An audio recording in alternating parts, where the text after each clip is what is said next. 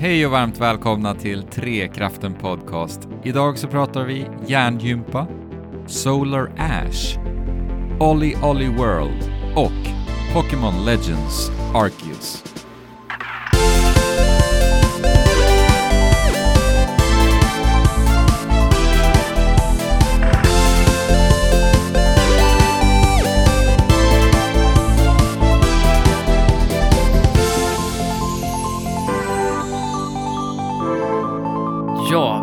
Kära lyssnare till vad ni tror är Trekraften Podcast. Men det här är ju inte Trekraften Podcast, utan det är Trekraften Legends ni lyssnar på nu. Den nya iterationen av Trekraften. Och i den iterationen så har vi med oss Fabian. Hej Fabian! Precis som Kul. i... Tack. Ja, Ja, fast, fast du har ju... Precis som i originalversionen. Nej, men din, dina celler har ju nu ge, regenererat så pass mycket att du är som en ny person, även om du på pappret fortfarande är Fabian Hugert. Nej, Exakt. Har vi åkt att- tillbaka i baktiden? Exakt. Mm. Det här eh, ti- tidrumhålet som vi alla har dykt in igenom. Mm. Och på andra sidan det så hittade vi en person som vi drog igenom så vi fick honom på samma sida som oss. Vi ville ha honom bredvid oss. Det är ju Andrew som är också här. Nej men hallå! Hej. Hej. Nu tycker ni kanske att det här liknar det gamla Trekraften podcast. Ja, jag känner sagt- lite press nu Jesper. ja, precis. Måste prestera extra idag. Ja. Det här är lite, ett lite friare format. Vi kan röra oss fritt i öppna Ah, världar. Men, också lite, så. exakt. men det är också lite farligare eh, om vi gör fel. Det väntar ödesdigra kon- konsekvenser om vi gör fel. Ja. Eh, Men allt för att slippa alla turbaserade strider och eh, övergångar till dem. Ja, Precis. Det är så sjukt mycket av det, den varan, i våran podcast ju. Ja, vi klipper ju bort det mesta, så ni hör ju inte det. Men eh, det är väldigt mycket vi får stanna hela tiden och ta Ja. oss an. De här eh, random encounters. Och lyssna på den här... Mm. da, da. Precis. Och peppra på. A för att trycka super, Precis. supereffektiv-texten och allt så här. Ja, nej men nu, nu slipper ni det. Vi både det. vi och, och, och vi slipper klippa bort alla de här grejerna också. Det är ju jätteskönt. Vad Eh. Tack Jesper. Äntligen. Ja, vi ska komma in på eh, Pokémon Legends som Arceus då, som eh, det slumpar sig att vi också har spelat i det här avsnittet. Yeah. Yes, Ehm. är det Pokémon-spelet som eh, vi har drömt om? Mm. Ja, Det får vi se. det, det kommer vi märka under denna, denna session. Men vi ska börja att eh, skaka om våra hjärnor med något annat först. Eh, nämligen hjärna mot hjärna, som jag har tagit med an eh, för ett tag sedan nu. Vi fick ju Brain vs. Brain, eh, som gör nya, eh, vad heter det nu då? Brain Training? Heter det så? Ja, precis. Ja, det- DS-spelen, eller hur? Mm. Är det, är det typ, är det typ eh, Street Fighter fast man är hjärnor eller? Med hjärnor. Ja, precis. Huvudfotingar med hjärnor och, be- och ben. Nej, det är ju det här det gamla klassiska Dr. Kawashima, Men Kawashimas brain training. Är, är det, är det inte samma, bara att de har dropp, det är väl droppat inte brain? samma, eller? Det kanske inte är det. Men det känns som det är en spirituell efterföljare i alla fall. För att Alex spelade ett brain training till Switch, vill jag minnas. Och han har pratat om det Mm, Mm. Okej. i denna podd. Ja, Mm. så att jag, Jag tror att det här, det här är nog mer att man tävlar just. Jag tror att brain training är mera individuellt. Vad jag, Just men jag vet inte. Nej, det kan nog stämma. Vi ska inte ge Dr. Kawashima mer cred än vad han förtjänar. Nej. Det här är i alla fall brain training, brain versus brain. Nej, inte brain training, nu säger jag det ändå. Ska vi klippa, ska vi klippa i detta eller? vi kan klippa här, säger jag bara. Nej, men nu är det Ja, fritt. detta är i alla fall brain versus brain. Vi kan ta det igen. Nej, jag kommer inte klippa. Nej, det ska ju... Nej. Det här är en sån här random, random encounter som eh, vi pratade om tidigare. Men, eh, Brain vs. Brain är ett spel där man eh, tar sig an ett gäng olika minispel, men skillnaden mot till exempel Mario Party är att alla minispel är baserade på olika logiska och eh, matematiska förmågor. Ooh. Mm. Och då tänker ni som känner mig eh, Ja, vad gör du? What the... Varför spelar du det här spelet för? Och det kan man verkligen undra. Men det finns ju en himla massa nivåer man kan ställa in och det är det som är det bästa med det här spelet. ehm, eh, För att eh, man kan spela det hela familjen verkligen utan att... ehm, ja, man kan spela det liksom på lika villkor. Mm. Mm. Det finns liksom allt från nivå 1 till 10 och spelar då, eh, som vi har gjort då, Greta på kanske nivå 3 eller någonting sånt, medan vi spelar på nivå 6. Så blir det helt jämnt. För att då får vi liksom, om det kan vara ett minspel som till exempel har att göra med att man ska eh, pussla samman olika pusselbitar där det finns tågspår. Det finns ju ett gammalt sånt eh, typ Flash-spel. Man ska leda, det är som Pipe Dream, ni vet, man ska leda vatten genom rör, fast här ska man leda ett tåg genom, genom en tågräls. Och så Mm. har man då olika bitar som man sätter fast och snurrar på för att få tåget att komma fram till sin eh, destination. Och eh, Okej. det gäller att göra så snabbt som möjligt för att eh, den som, får, den som kommer först får ju då maxpoäng, den som kommer tvåa får lite mindre poäng och så vidare i fallande skala. Så man ska se mönstret Och- snabbt, typ. Ja, Ja. och då får ju vi fler sådana här bitar än vad Greta får. Hon kanske får en medan vi får tre. Ah, just det. Eh, plus att hennes bit är mindre komplex än vad våran är. Eh, så att man kan verkligen tävla på lika villkor. Det är väldigt ovanligt som barnfamilj Mm. att kunna spela mot barnen tävlingsinriktat och verkligen gå in för det. För ofta så är det att man får liksom göra sig till emellanåt för att det inte ska bli för dålig stämning. Mm. Och just att hålla utmaningen eh, lika Mm. hos varje individ. Ja, cool. Precis. Men, så det är ett alltså- smart system. När jag tittat på det här så känns det som att det är lite mer liksom riktat till kids.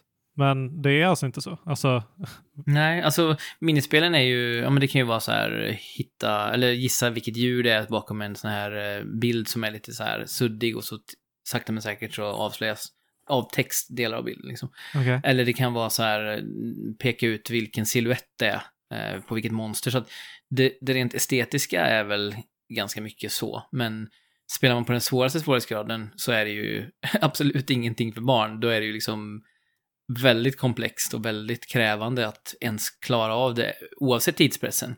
Eh, så, och sen finns det också sådana här mekaniker som att om man efter, jag tror det är halva, eller om det är två tredjedelar av, eh, av den här banan eller liksom racet man har fram till att, att få flest antal poäng, jag undrar om det är 100 poäng som är liksom gränsen, så får man dubbla poäng för sin poäng. Liksom. Så att vinner man då så kan man komma ikapp ganska snabbt. okej. Så man får liksom dubbel segerpoäng. Så, så de har lagt in en hel del så här, och även avatarer, man, man skapar sina, sina egna avatarer med en hyfsat så här, ja, jätteavancerat såklart, men en karaktärseditor som alla ändå tyckte var kul att interagera med i familjen och bygga sin egen figur. Och den syns ju då i en sån här liten mätare beroende på hur långt man har kommit, alltså var man ligger till i, ställningen och sådär. Så att det är ändå ganska mycket saker som gör att, ja men just att det funkar så himla bra för, som ett sällskapsspel. Eh, men också faktiskt, nu har jag ju såklart inga, liksom, inga, vad säger man, empiriska bevis för det, men det känns verkligen som att man utmanar sin hjärna, för att jag är ju, har ju som sagt väldigt stora svagheter i just de här områdena, så att få fundera kring eh, komplexa, kanske, det finns också så Tetris-minispel, fast det går inte ut på att det faller bitar, utan det går mer ut på att det, det är ett helt block. Och så får du en bild som visar den här formationen ska du ha när du är klar. Och så får man knacka Mm. sönder bitar. Och om du då knackar sönder vissa bitar så kommer andra bitar falla ner och så ska du klura ut liksom, vilka Ja, okej. bitar ska du knacka på. Ehm, så det, det är verkligen, ja, man känner den här hjärnstretchingen också. Så jag, jag tycker verkligen att Brain vs. Brain har varit en väldigt positiv överraskning och verkligen något som man kan säga, ja, men har ni spelat Mario Party? Har ni spelat, eh, vad finns det mer för liknande spel? Eh, One Two Switch och andra minispelsamlingar på Switchen så skulle jag verkligen rekommendera att kika lite åt Brain vs. Brain för att, ja, just det här som jag återkommit till flera gånger nu, att man kan liksom eh, ställa in vilken typ av utmaning Mm. man vill ha och behöver för att det ska vara jämnt. Det är verkligen ett, eh, och det görs på ett sånt himla bra sätt också, det funkar verkligen. Alltså, Ehm, det slår mig ändå att Nintendo är väldigt konsekventa ändå med den här typen av spel känns som. För att Jesper, du har ju ändå pratat om en hel drös av de här Nintendo Casual-utvecklade spelen. Jag tänker Mm. också på det här 51 World, vad heter det Mm, nu, det. Worldwide. mm, worldwide. Och det var ju också Mm. välgjort liksom. Alltså det var ju Mm. toppen för vad det är. Precis. Ja, men exakt det. Man förväntar sig att det ska vara lite så här ah, shovelware, ett alldeles Ja. för, för hårt eh, omdöme, men lite åt det hållet. Att så här, Ja. ja, de, de trycker ut någonting lite så här och så är det inte så mycket skäl i det. Men, men det är ju tvärtom, precis som du säger så är det eh, i detaljerna som man märker att det ändå är gjort med omsorg och det är Mm. det som gör att man fastnar för det på ett annat sätt än man kanske hade förväntat sig. Så att, eh, mm, nej men eh, verkligen som sagt en, en tumme upp och någonting värt att kika på om man är nyfiken på fler spel att köra ihop. Eh, Ja, Eller bara, nice. som sagt, behöver träna på den här, här typen av eh, grottande och vändande och vridande som jag onekligen gör. Så. Men, du, men eh, det finns ingenting som i Kawasa, Kawisakis brain training att du har en så här hjärnprogression eller minnesprogression på något Jo, sätt? Du kan också spela single player, för nu har jag bara pratat om multiplayer inser jag, för vi har inte spelat single player speciellt mycket. Men då finns det också en sån eh, progression där du liksom börjar med lite enklare spel, eh, både i form av att de är liksom enkla att lösa, men också komplexiteten i själva uppgiften du ska lösa. Och sen så finns det då en progression, men det är inte, det är inte riktigt så tydligt som så här, nu har du tränat din hjärna till att vara i den här åldern, eller du klarade av det. Det finns ingen rating riktigt på det sättet. Eh, men det finns en liknande single player-aspekt. Och det låser man också upp mycket så här, ja men kosmetiska föremål till sin karaktär och så, så det finns en, det finns ett incitament att spela dem också. Eh, jag tror till och med att man kan låsa upp nya minispel eventuellt. Jag har inte kommit så djupt in i det, vi har bara spelat multiplayer som sagt nästan. Och tror du att det skulle funka eh, som ett liksom partyspel att spela med eh, kompisar som är över och hänger? Mm. Som Mario Party och så. För att det känns lite mer det känns lite mer specifikt och typ som att man måste investera sig lite mer i det här spelet än kanske som uh, Wario, WarioWare eller Ja, Party. På ett, på ett sätt är det ju så, men jag tycker att eh, just tempot i det, för det är ju all, hela tiden en tidspress eftersom att eh, man är beroende på av hur snabba de andra är på att lösa uppgifterna. Om de andra är snabba så måste man ju också själv vara snabb, så det finns hela Mm. tiden en, en liksom hets i det. Så att jag tror det skulle lämpa sig ganska väl till att spela även kompisar. Jag tänkte jag ska, ska ta med det nästa gång vi ses, kompisgänget här hemma, och testa. Ja. Kompisgänget här. Jag tror du skulle säga nästa gång vi ses. Alla tre. Absolut, definitivt. Eh, när du kommer till Stockholm och vi hänger så kan vi ju testa. Definitivt. Jag kommer ju åka i jobbet titt som tätt, så då får jag ta med min lilla kassett. Oslickad är den alltså. också. Så att, så att, Men Jesper, tror du att det här spelet kommer göra att du kommer att uppskatta Shrines-ekvivalenten i Breath of the Wild 2 mer? Det är stora frågan. Ja, alltså jag, jag får nästan göra ett eh, experiment och spela Brain vs. Brain i en halvtimme varje dag sista, sista tre månaderna innan spelet Innan kommer Breath ut. of the Wild? Gör det. Ja, jag Kan vi inte göra det på riktigt? Det kan är, eh, rapportera tillbaka. Mm. jag, jag tror ju fortfarande liksom att du, eh, du har bara ett dåligt självförtroende när det kommer till de här sakerna. Det är inte så att du liksom är inherently dålig på det. Så att det här, om det här spelet kan öka ditt självförtroende så är det Mm. helt fantastiskt. Det är värt att testa. Ja, men det kanske kan vara något att fundera vidare på.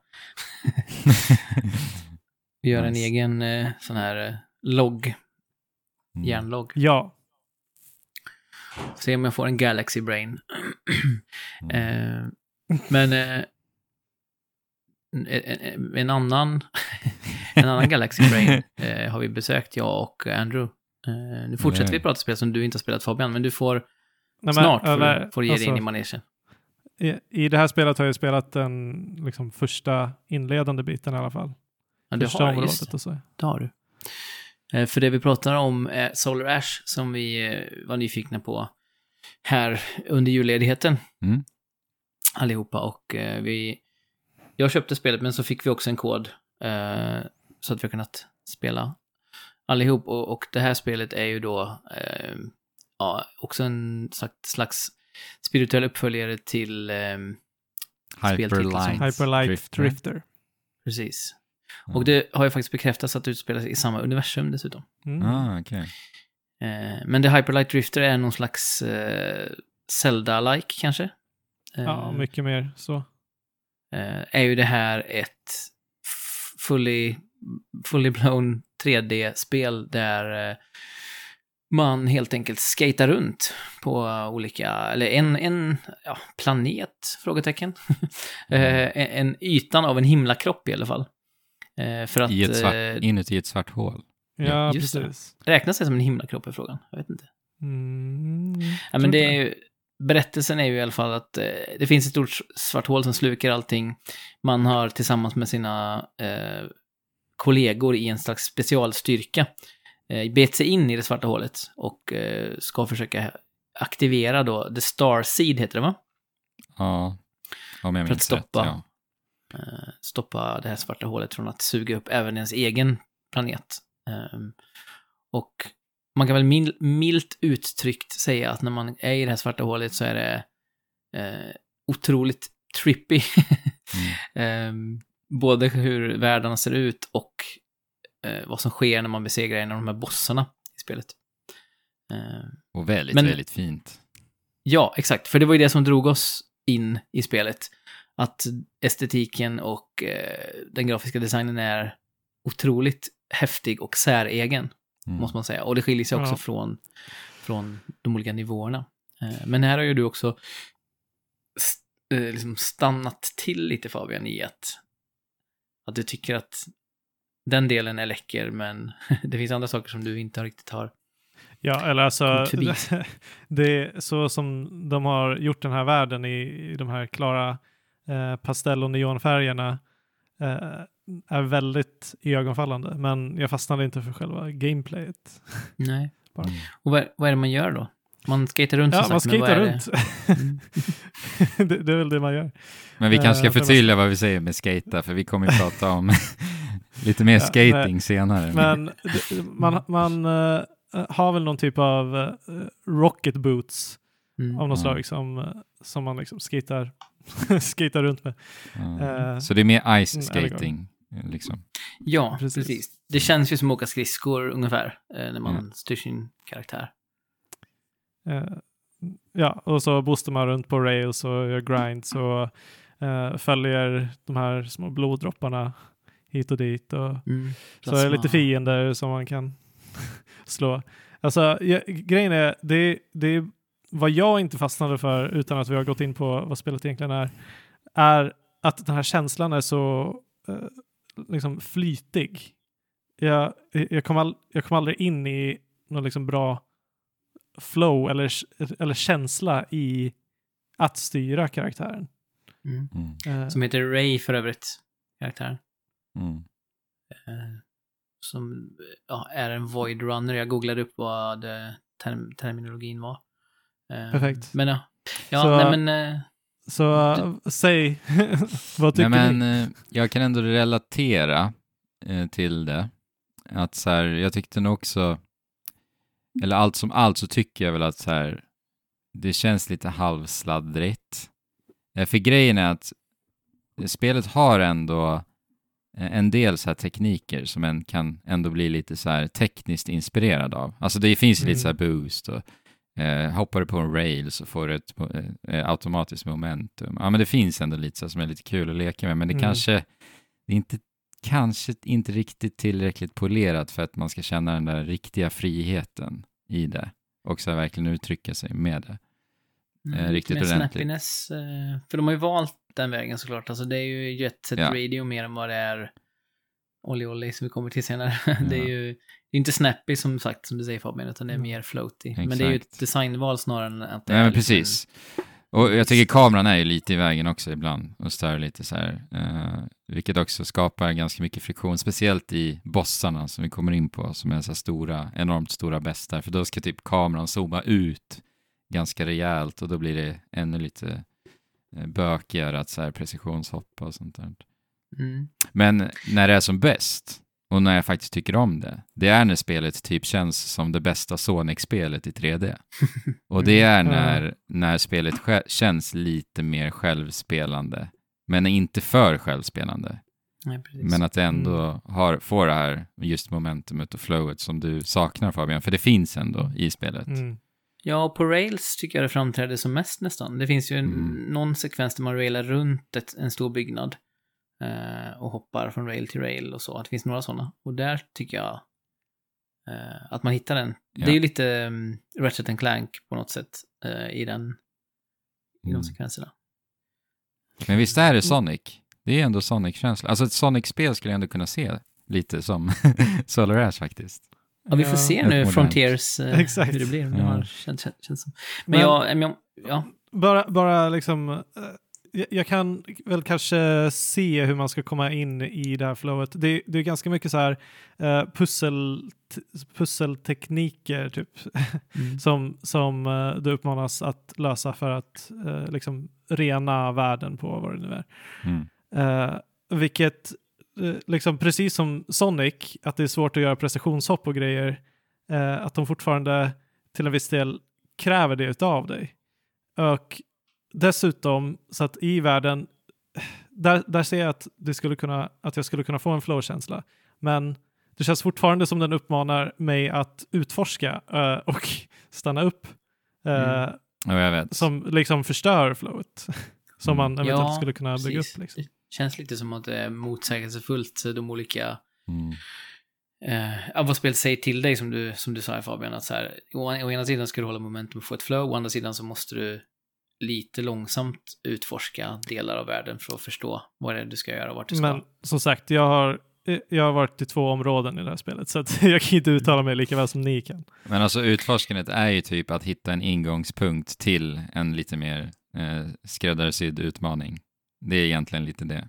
Och sen, när, ja. det, och sen när det är på den, då är det ändå så här kul. Och jag tycker att spelet är bra liksom. Mm. Ja, jag satt ju och funderade på att, att knö in det på sista platsen på min Game of the Year-lista i förra avsnittet. Mm. Och det, alltså, jag tycker ändå att uh, rörelseschemat och hur du styr din karaktär är, det, det är tillfredsställande. Boosten är ju underbar, tycker jag. Ja, tillräckligt ja, ofta är det tillfredsställande. Uh, Medan striderna är ju väldigt så här, alltså striderna mot de vanliga fienderna är ganska basic och känns lite tunna och skulle, ja, nu, de har väl valt var de vill lägga sina resurser och så, men man, man hade, hade man haft mer tid och mer pengar så skulle det vara en del som man hade mm. lagt mer kärlek på, just striderna, för de är ju ganska, ganska basic. Men det jag ska tänka komma till är att de här sakerna till trots, trots att inte kontrollen är perfekt eller striderna är speciellt inspirerade, så tycker jag just egenheten och det unika i atmosfären som finns. Mm. Både i hela spelet som sådant men också i, mellan de olika världarna är ju unika eh, i uttryck. Mm. Och det har de verkligen lyckats med och det gjorde de ju även i Hyperlight Drifter. Det, det finns ju en, det passar inte mig perfekt för det är en ganska tung och dyster stämning. Alltså det är ju undergångskänsla mm. och, och, en del faktiskt ganska hemska mm. eh, sekvenser eller ja, karaktärer som uttrycker saker de har varit med om och sådär. Och det ser man också i, alltså det är väl det som är det bästa med spelet. Eh, alltså miljöberättandet. Enver mm. Environmental storytelling om man ska prata engelska. Det tycker jag är det bästa eh, i det här spelet. Man får känsla för. Ja. Jag tycker också de eh, jobbar med grav gravitation lite ball också. För det blir ju lite mm. Super Mario Galaxy-eskt i sina stunder. Eh, och eh, det bidrar ju också mycket såklart visuellt, eh, hur mm. banorna är som sagt upplagda. Mm. Det jag längtade... totalt flippat ut ibland. Ja, och jag längtade ganska ofta efter ett annat spel som liknar det här. Um, där man skater runt i spacade banor och faller från höga höjder. Vad är det heter? Jag glömmer alltid bort det. Det släpptes först till vita tror jag och sen kom ett spel till PS4. Skate, vad det heter. Japanskt. Ja, jag vet inte. Gravity Rush.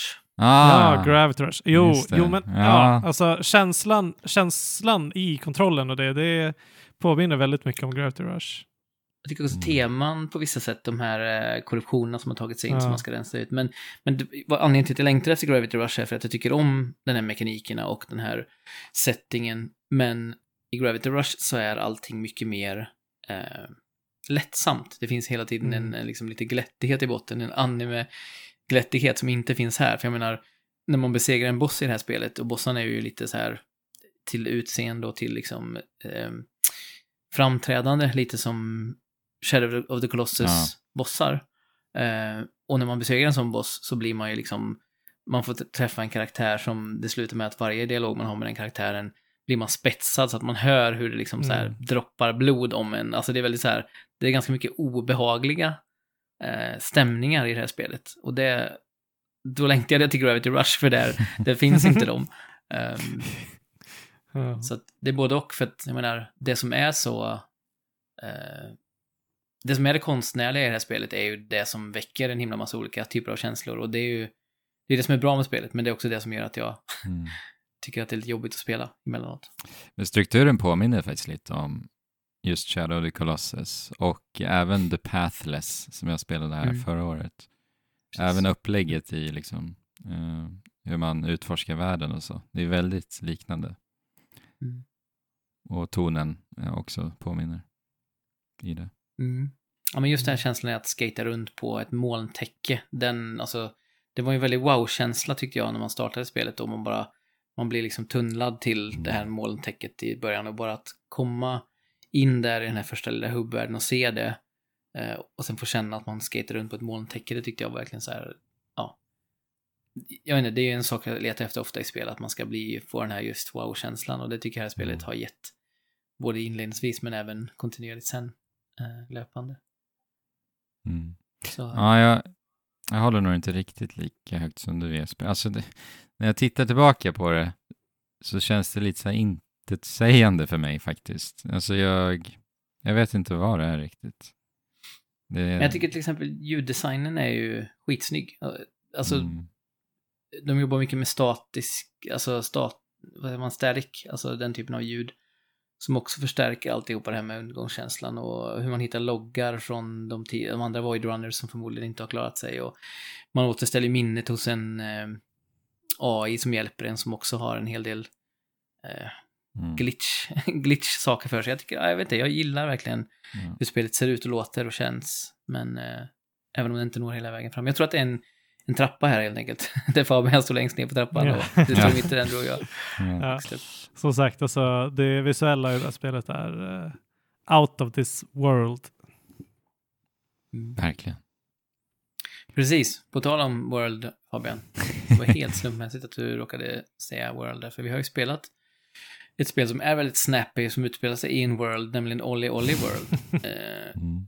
och detta är det tredje spelet i Olly Olly-serien och eh, Ja. Olly Olly 2 tillhör ju mina absoluta favoritspel genom tiderna. Det är ju med på min topp 10-lista någonsin. Oj, jäklar! Mhm. Mm. Jag har bara Älskar nafsat på Olli Olli Mm. ett eller två. Kommer inte ihåg vilket det var. Men jag har Du inte köpte du spelat. inte det här packet eh, Nej. nu i vintras? Det gjorde jag inte. Men visst gjorde du det Fabian? Jag gjorde det och Mm. jag spelade ändå, ändå rätt så många timmar både av Olli, Olli och Welcome to Ollywood, Ollywood eller vad Hollywood. heter. Olli, Ja. Olli, Olli 2. Det borde, ju Eh. het, det borde ju vara så att första spelet heter Olli, andra heter Olli Olli och nu skulle det heta Olli Olli Olli. Ja, Ja. de får göra efterkonstruerade. Ja. för att göra. Men alltså de spelen, jag fastnade ju. Det, det är total avslappning och så, så skarpt fokus som man får av de där spelen. Det är så här, du, du bara går in i en helt annan lo-fi skatevärld som bara är så jäkla nice. Mm. Och så, kan, och, och, och så är det high score jagande. Så att det, alltså, det är ändå det är avslappnat samtidigt som du sätter dina egna mål liksom hela tiden. Eh, fantastiskt. Mm. Ja, men just lo-fi-delen är ju, det var ju det anledningen till att jag började lyssna på lo-fi. Ja. Eh, eller, eh, ja, lo-fi hiphop, eh, som jag ju lyssnar 75% av min tid på Spotify nu. Eh, men jag förstår vad du menar med avslappnad, för det är ju det här flow-statet Mm. som man verkligen kan komma in i, för det är ju extremt snappy och det är väldigt eh, tekniskt och det är väldigt så här upp till dig. Om du misslyckas är det bara du som har gjort fel. Det finns, det finns liksom ingenting att skylla på. Eh, det finns ingen kamera som strular eller så. Nej. Men, men det är ju också att, att det är sånt här spel jag liksom kan bli kallsvettig framför och sitta till så här halv fyra på morgonen för att jag inte kan slita mig från en, en, Ja. eh, en utmaning. För att själva grundspelet är ju, om man bara ska hålla sig på ytan liksom, då, Ja, då, är, det ganska, då, då är det verkligen som du säger, om man klarar Mm. av mentalt och bara, okej, jag ska ta mig igenom banorna, då är det ju verkligen en härlig Ja. berg och dalbanefärd som kräver såklart sitt ändå. Men, och nu pratar vi om originalspelen, Mm. eh, Ja. Olé 1 och 2. Ehm, men så fort man börjar dyka ner liksom lite djupare och så här som du säger, om jag ska klara den här utmaningen, för det finns ju ett antal mål på varje bana. Ja. Och det finns ju dessutom en ytterligare svårighetsgrad, ja, när man har klarat av de målen så öppnas det liksom en helt ny, samma bana med nya högre ställda Ja, mål som det är. precis. Det Alltså, liknar ju många. så långt inte jag kommit i, alltså jag, jag har klarat eh, i alla fall de allra flesta banor i båda spelen i grund. Mm. Eh, men just, just det här att det finns utmaningar och med ett knapptryck så bara startar om allting. Uh, Mm. Gör Men eh, att pratar liksom ni... flowet behålls. Pratar Även, ni om, även när om om World nu eller 1 och 2? Jag Nej, blir lite men förvirrad. det är, set, Nu, men det är, det är nu för- berättar vi var vi kommer ifrån.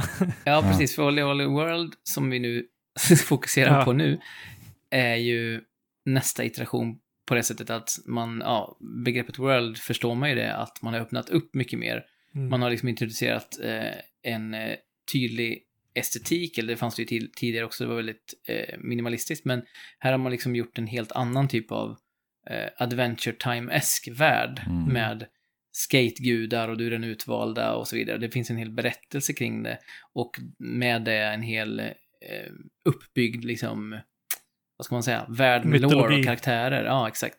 Som inte fanns tidigare. Ehm, Och, så så det, det är det Olly Olly World är helt enkelt. eh, Och Samma man koncept byt- men i den skruden egentligen. Mm. Exakt.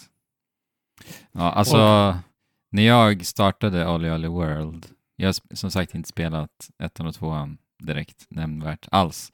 Men jag fick lite samma känsla, ni vet, när vi pratade om Metroid Dread, när, ni, när jag minns att du Jesper sa, så fort man drog spaken till, till höger Ja. så bara det känns så bra. jag fick faktiskt den känslan i Olly Olly World också. Att typ när jag tog mina första pushar med skateboarden, då bara så här, ah, åh vad skönt det här känns. Och det spelas så bra direkt liksom. Ja, verkligen. Så gameplayet, alltså det skiner ju så starkt i det här spelet. Och det Mm. känns så här, vi har, ju redan, vi har redan nämnt ordet flow. Jag tror Mm. att det kommer nämnas och tas upp flera gånger. ja, men det, det här spelet, de här spelen är ju flow. Eller för Ja. mig är det, Mm. är det Verkligen. 100% flow. Och eh, jag kan inte minnas eh, att liksom hur, något annat spel som fått mig så lätt in i, i det stadiet. För att det är så, det är så simplistiskt. Liksom. Det, vi ska säga att det är ett skatespel i 2D.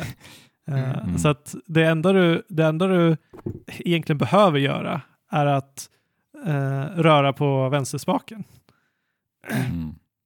Och på olika sätt så, så gör du typ så här olika eh, Hadouken eller Street fighter kombinationer Ja men det är egentligen eller skate. rotationer. Skate. Kontrollschemat egentligen. Mm. Alltså Ja, skate. exakt. Ja, Från skatespelen. Mm. Fast i 2D, exakt. ja. Eh, Ja, och ibland så behöver du pusha på en knapp liksom. Det är det det enda du behöver göra. Och där ligger liksom hela grunden för spelet. det är det som är lite unikt att eh, det är tekniskt som ett 3D-skatingspel. Mm. men det är i 2D. Så det, man har liksom kombinerat de bästa av två världar. För jag gillar ju generellt sett om, om man ska jobba liksom med plattformande och så, så föredrar jag ju verkligen 2D-perspektivet. Mm. Men man har, inte av, man har inte gjort avkall på någonting, för det finns, som du sa Fabian, det enda man behöver göra för att ta sig från punkt A till B på banan, klara av Det är att plattforma egentligen igenom. Mm. Ja, Ja. För det blir ju mycket ett liksom- plattformsspel faktiskt. på det. ja, Ja. det är det som är lite intressant, att det blir en Mm. hybrid mellan Ja. skate och plattformande. Och, och ännu mer så i, i Olly, Olly, Olly World än, än de två originalspelen. Mm. Ja, men samtidigt så finns det ju väldigt mycket att eh, komma åt när du skrapar lite på ytan. Eller i alla fall väldigt mycket liksom hjärnkittlande eh, koordinationspussel om du ska göra de riktigt svåra sakerna och speciellt Mm. om du ska eh, försöka få riktigt höga high scores. För det betyder att du inte får göra samma trick om och om igen. För att Ja. varje gång du gör samma trick flera gånger Ja, så då kommer du förlora. koordinationen in och minne faktiskt. Vad vilka Precis. har jag gjort liksom Exakt. I Så att- Ja? Så att det går hela vägen, det har hela liksom det här spektret, spe, spektrumet från att bara vara helt avslappnande, superflowigt chill Mm. till att eh, verkligen liksom klia i hjärnan. Mm. Och och nu, det tycker jag är helt fantastiskt. och nu är det till och med så att det finns eh, ett läge där man kan gå in och eh, spela säsonger och få rewards och avancera upp i de olika divisionerna och åka, och, gå upp och åka ur. Och det är liksom Mm. så här, eh, liksom Fifa. Men det är väl eh, on, online, eller hur? Online Ja, och Mm. det är bara ett sidoläge som liksom man inte behöver interagera med Mm. alls. För det vi har pratat om hittills är ju bara enspelarläget. Men det finns ju Mm. också Mm. en hel stor aspekt. Dels med att man kan ha leaderboards med att kolla liksom vänner och, och eh, lite världsledande eh, på leaderboards. Och sen kan man också då spela online och man kan även eh, random-generera i oändlighet banor utifrån olika förutsättningar man sätter in på olika teman. Så det finns ju olika världar så att säga. Då kan man välja värld, man kan välja hur lång Mm. man vill att banan ska vara, Mm. hur svår den ska vara. Och sen då får man en postkod som de kallar det. Som Okej. man kan dela, typ som så här en Worms-bana på gamla goda tiden. Man kan skriva in så här random bokstäver och få Nice. temperera. Och så kan man skicka den till sina kompisar och bara prova den här banan. Och så kan man tävla om vem som får bäst high score på den enskilda Nice. banan som, som är slumpgenererad. Så att det finns hur mycket som helst att göra i det här spelet. Och det Mm. skiljer sig också från de tidigare spelen som bara var klara banan, klara de olika high scoren och sen var det det liksom. Och här har man, ja det fanns ju en, en i och för sig en, man kunde välja spots också som liknar det här jag pratar om nu, men det var lite mer begränsat. Men på World-temat, fanns det värld, det var väl inte världskarta och så inramat Nej. i tidigare spel? Nej, inte alls. Det var, det var olika biomer eller vad vi ska kalla det, olika typer av miljöer som nöjespark och Ja. typ Texas oljeplattform och, eller plattform heter inte det på land, men ja, ni förstår, oljeborrning. Mm. Ehm, och så. Men det fanns ingen, man rörde sig liksom inte någonstans emellan. Och här är det ju, som du säger, man, det är en Super Mario World-karta i princip som Mm. man går runt på. Ehm, Jag älskar den här lilla pekaren när man, som man använder Mm. för att markera banorna. Alltså den är så snygg. Ja, den är så, Den te- den är så, hur härlig. den och- bubblar till lite. Ja, Ja. alltså när jag är på huvudvärlden brukar jag bara snurra runt på den. Ja, det är så otrolig. nice. Ja, för Eh. den blir väl så att om man rör den i sidled så får den liksom lite momentum. Exakt. Den stretchas. den. Bo- blobba lite. Ja. Ja. Lite som hur Ori rör, rör sig, så här. stretchas Ja. ut av Mm. farten. Liksom. Helt underbart. Och den här inramningen, eh, alltså jag, jag är lite sucker för den här Adventure Time estetiken med bara så helt urflippade varelser och, och saker som händer. Och att sätta det i den här kontexten där det blir lite mer, liksom det finns hemliga vägar att åka. Eh, du, eh, vi snackade här innan om att man racear en björn och så vidare. Det ger ändå mervärde till Ja. till allt annat. Att, alltså, det känns ändå som att man får en eh, väldigt stor variation. Mm.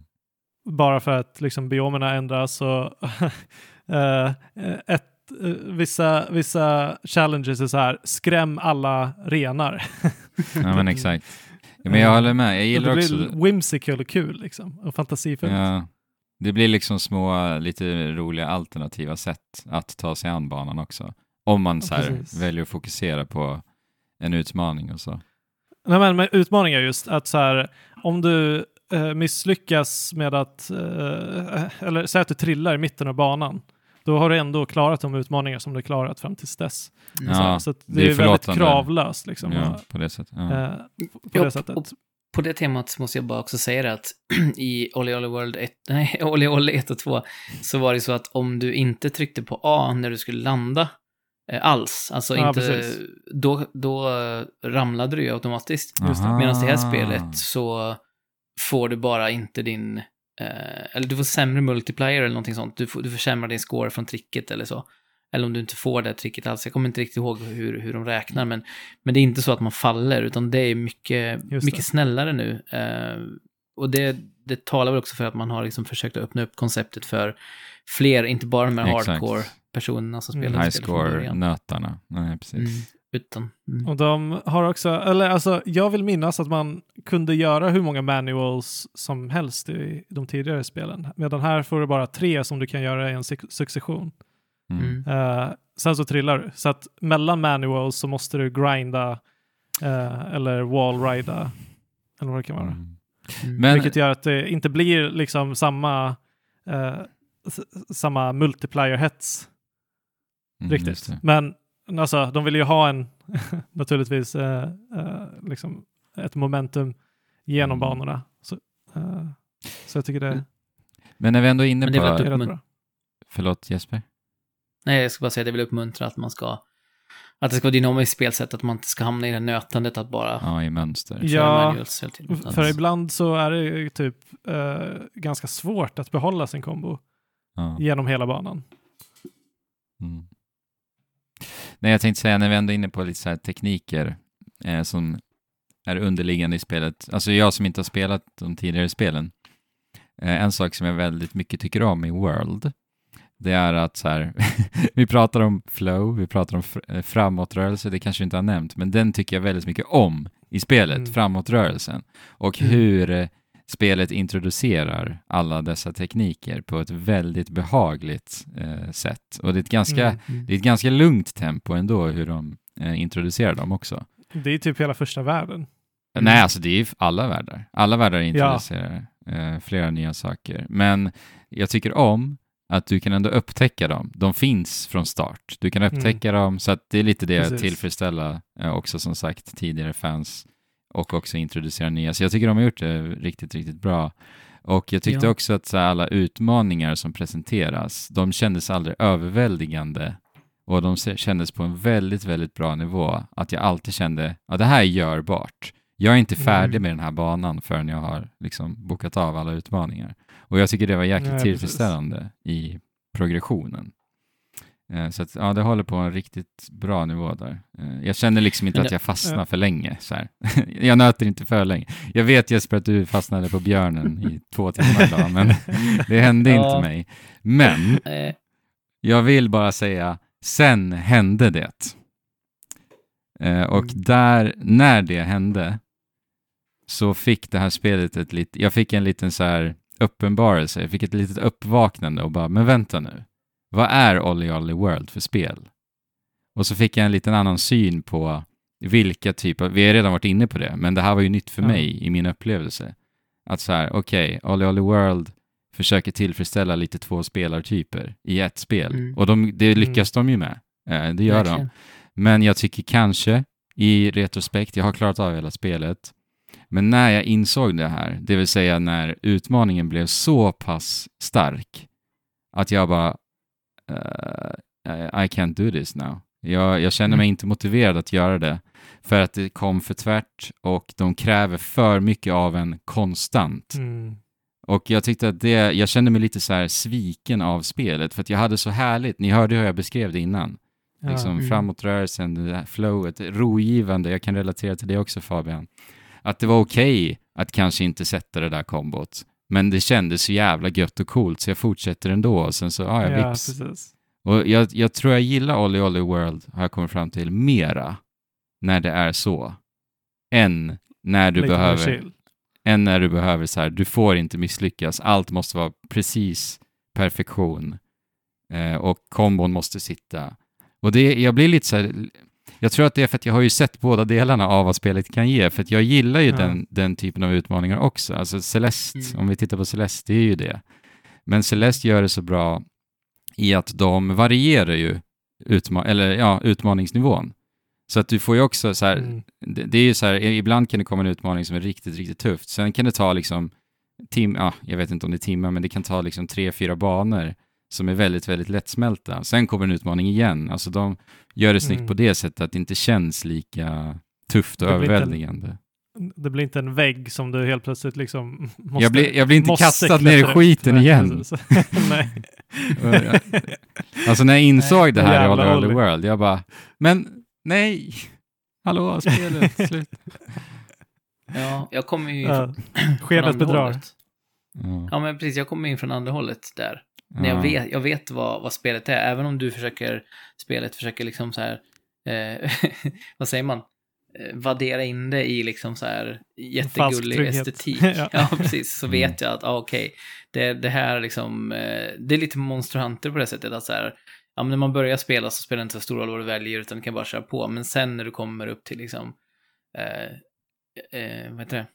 Hunter Rank, vad heter det? Master rank är väl, men. G-rank, ja. Ja, då, då liksom är det på allvar och det är det spelet egentligen så att det börjar om man ska liksom se Mm. det så. Och så har jag ju sett på det här spelet så att jag var ju orolig att, det, att också den här med att man inte behöver trycka på A för att landa sitt, eh, sitt trick och så har jag Att ju det blir för orolig för- oförlåtande. ja, Mm. varit or, orolig för, för till en början. Och även estetiken som jag har varit så här, oh, no, jag älskar den här lo-fi estetiken både, alltså, musiken är fortfarande kvar och den är fantastisk, soundtracket till det här spelet. Men eh, eh, det estetiska som sagt, visuella är, är ju inte det. Men så fort jag började spela spelet så insåg jag, okej, okej, det, det här var ett sånt spel man borde se i rörelse och känna för att förstå estetiken till fullo. Och bara att laddningsskärmarna visar en random användare Ja. i en ascool pose som i en, mitt i liksom en flipp eller någonting. Och man då ser att nästan, det finns ju väldigt mycket kläder i det här spelet och mycket accessoarer och nästan oavsett vilken kombination folk har tagit på sig av knäskydd, kepsar, mössor, eh, ser skitbra ut. Alltså de har Ja. oavsett hur man klär ut sig så ser man svincool ut. Och det har verkligen, och, och det är också det här inkluderande, verkligen. Inkluderande tilltalet för att alla karaktärer, många karaktärer är okönade. Eh, det spelar ingen Mm. roll liksom vad du har för kläder på Mm. dig eh, utifrån vad du har för karaktärsmodell. Alltså allting är liksom tillåtet och spe- spelet är det känns liksom, jag skulle nästan gå så långt att säga att det känns queer. Alltså förstår du vad jag menar? Det känns som Jo, att det nästan är... verkligen. Det är queer. Eh, och, eller gå långt, men ni förstår vad jag menar. Att det känns som att det är så medvetet att spelet är skapat med inkludering. Precis som jag tycker många av Tokaboka-spelen också är, Andrew. Mm. Att så här, det, det känns som ett Tokaboka-spel Ja, när man är på med. den, yt, på den nivån som du pratar om. Att så här, Mm. det här flowiga, snälla, Precis. tillåtande.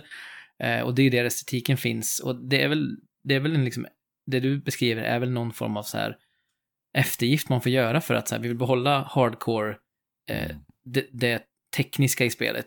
Men vi vill också bjuda in en ny publik. Det Mm. känns som att det är det design, liksom, Ja, vad säger man, precis. dragkampen har varit Ja. hela tiden. Alltså, Eh, om jag ska vara nitpicky så tycker jag dock att den kom för tvärt. Alltså jag är ändå så här, Mm.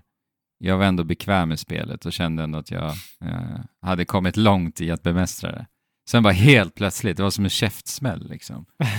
Eh, så det ska ju vara en, det ska ju vara en alternativ väg i så fall, att man väljer den Exakt. vägen. ja, sen då. Precis. Ja, kanske det. Men eh, Ja, eller alternativt att det är mera just online-biten. Det är lite det jag är inne på också, att så här, om du vill investera i det så ja, gör det med andra spelare i samma rang, Mm. så att säga. Ja, visst. Men ja, med den här inkluderingsbiten, det, man har ju så här eh, eh, hijabs som du kan sätta på dig till och med. Och Mm. det är inte så ofta man ser det i spel liksom. Nej. Mm. Eh, eh, riktigt Och nice. karak- karaktären också i ens lilla gäng man har, det är ju då Ja. en... en Dad. eh, ja, Dad. en, en karaktär som heter Dad, som det är ingen som vet vad han heter, han kallas bara för Dad för att han är lite, han är lite så här Han är gammal och weird. pappig. Ja, och sen har vi Mike som är den som ger dig alla de här extra utmaningarna. Då. För, för var, Mm. varje bana så har du en utmaning att ta dig i mål och att inte använda några checkpoints utan ta dig från A till B hela vägen, liksom, eller A till Ö. Eh, utan att slamma en enda gång. Men så finns det Mike då som ger en massa utmaningar och han är bara världens mest positiva och peppade person. Mm. Han, han typ skallar sin skateboard upprepade gånger för att han är så peppad på vad, vilka trick han ska få se dig göra. Ja. Medan vi har eh, personen som filmar som är tvärtom, som är Sus heter, heter den va? Eller tror det är hon kanske. Eh, Ja, sus, som är tvärtom. sus. Ja. super eh, själv, eh, ja, självsäker och så här. Den bästa skataren någonsin, men jag, ja, jag behöver inte ens anstränga mig. Jag åker bara runt med min filmkamera istället. Filmkameran är ju också en karaktär för det. ja, men precis. Alltså, det är väl hon som filmar dig när Mm, du åker. spelet, ja. Jag, Eh, i jag spelet. måste säga sätt. dock att Men- jag, jag tycker att det är lite för mycket chatter. Exakt. Alltså det är för mycket snack. Mm, Ja, Det- jag, jag håller med. Det är bra skrivet, men det är för mycket. mm. Det är alldeles för mycket. För mellan varje bana så ska de babbla på, babbla på och liksom Både lite innan och efter, ska sägas. Exakt, ja, exakt. Så, och eh, till slut så tappar jag helt och hållet intresset för att det är inte därför Mm. jag är där. Nej. Mm. Det är inte alls därför jag är där och det om något liksom gör att man tappar, tappar det lite Men eh, tycker, banorna. Du kan ju trycka bort, det är det som är lite Ja. charmigt också, när de säger här, de säger sin första mening och då får du ett dialogval. Du kan välja så här, ja men Ja, berätta precis. mer om det här. Eller Man typ kan så här, nej, jag skiter i det här nu. Och då får man bara st- starta banan direkt, så man behöver inte lyssna på dialogerna. Men det känns Ja. så tråkigt. Jag började med det ett sätt. faktiskt, att skippa. Ja. Mm. Men, Men det, det är väldigt fint, eh, snyggt inramat för att de, de där eh, diss eh, kommentarerna som man kan ge är ganska nice för de, de är ganska eh, typ så här bad, eh, badass attityd liksom. Medan- ja, ja, jag tycker det är lite synd att de har gjort det här designvalet återigen, för att de har allting på plats. Karaktärerna är jättecharmiga, välgjorda, coola, eh, både liksom ut, visuellt och hur de pratar och de är Ja. distinkta. Men det hade liksom räckt med en fjärdedel av allt som de ska Definitivt. uttrycka. Det hade ändå gett samma effekt eh, med världsbyggande, för jag tycker de har byggt en värld som känns liksom ja, väldigt härlig. Jag håller med. Mm, Eh, men definitivt. alltså, det, det känns bara som att det liksom går på band. Det blir den här uh, effekten när det, det, det är liksom eh, det, det går inte in i rest av, resten av vad spelet är Nej. på något snyggt sätt överhuvudtaget. Nej. Precis. Det är lite som det som du pratade om Andrew också, att det skär sig. Alltså, man vill bara så här, för, för så var ju Olli Olli originalspelet 2, att man tryckte på en knapp, tsch, du är tillbaka på början på banan. Mm. Och det kan, det är, så är det ju även här nu när man, När man väl är På inne. en bana. Ja. ja exakt, men man vill ju trycka på en, en, liksom, en eh, del på kartan, hoppa in, skata direkt. Ja. Eh, och sen kan de, kunde de ha löst det här med dialogen och karaktärerna liksom längs vägen på ett annat vis, känns det som. Eller på, Sprinkla ut det mer bara. Jag också, Mm. jag vet inte. Det är ju liksom för mycket, helt enkelt. Men eh, ja, men, men tittar man på kärnan, som är musiken, skatandet och Alltså skatandet är Ja. så bra. Det Där så är ju bra. liksom absolut, absolut världsklass tycker jag. Ja, alltså där är det, eh, ja men det håller jag med om. Världsklass är ett bra ord för att sammanfatta allt det. Det är ju verkligen, jag sa till Fabian här för några veckor sedan, alltså det är ju eh, årets spel, eh, material. Men sen kom den där jädra svängen som jag pratade om och jag bara blev Ja. arg på spelet. Så jag är lite kluven där. Men alltså kärnan, det är verkligen helt, helt magiskt bra. Det kanske Ja. blir lite Dark Souls-effekten att du ändå kommer tillbaka. Och... Eller nej, du har ja, klarat det. Ja, jag har klarat det, men Ja. alltså jag har ju massa utmaningar kvar för att jag blev så Ja. ledsen där ju. Ja. Ser ni en björn som åker ner för en, eh, ett, en flod i en tunna så håll er borta, säger jag bara. Va? Det var ju kul. Ja. Ja, man ska racea med, en, man ska racea med en, eh, den här björnen som åker i en tunna och man själv åker på, i skateparken, höll jag men längs med skatebanan och ja, det tog mig, det, ni sa det förut, det tog mig på riktigt två timmar i sträck av försök innan jag klarade av det och jag bara så här, nej, jag tänker inte sluta förrän jag klarat av den här Mm. björnen, Okej, insert, jag, jag kan säga så här, värld 4 och börja beta av high score-utmaningarna och en del av Mikes utmaningar. Där börjar det hända grejer alltså. Mm. Jag kommer dit sen. Då är det så här, koordination, precision, minne som sagt. Mm. och sen tekniken måste vara otroligt konsekvent. Ständigt. ja. och timing. Ja. Och sen får du inte göra fel någon gång. Det är i princip det. Vi ska flytta fokus nu snart från World, eh, eller Olly, Olly World. Jag ska bara säga det att en sak som vi inte har nämnt är ju att när du gör perfekta, till exempel rails, eh, och landar om timingen, för du ska ju liksom trycka då på spaken framåt precis när du landar på, på räcket, Exakt.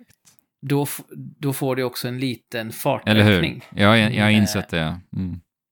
Det är också en väldigt härlig grej, att Ja. om du tajmar bra så får du ytterligare en känsla av fart och flow. Mm. Men den är Eh, så subtil. Men den, den krävs ofta ändå. Ja, men den är precis. väldigt svår att verkligen märka.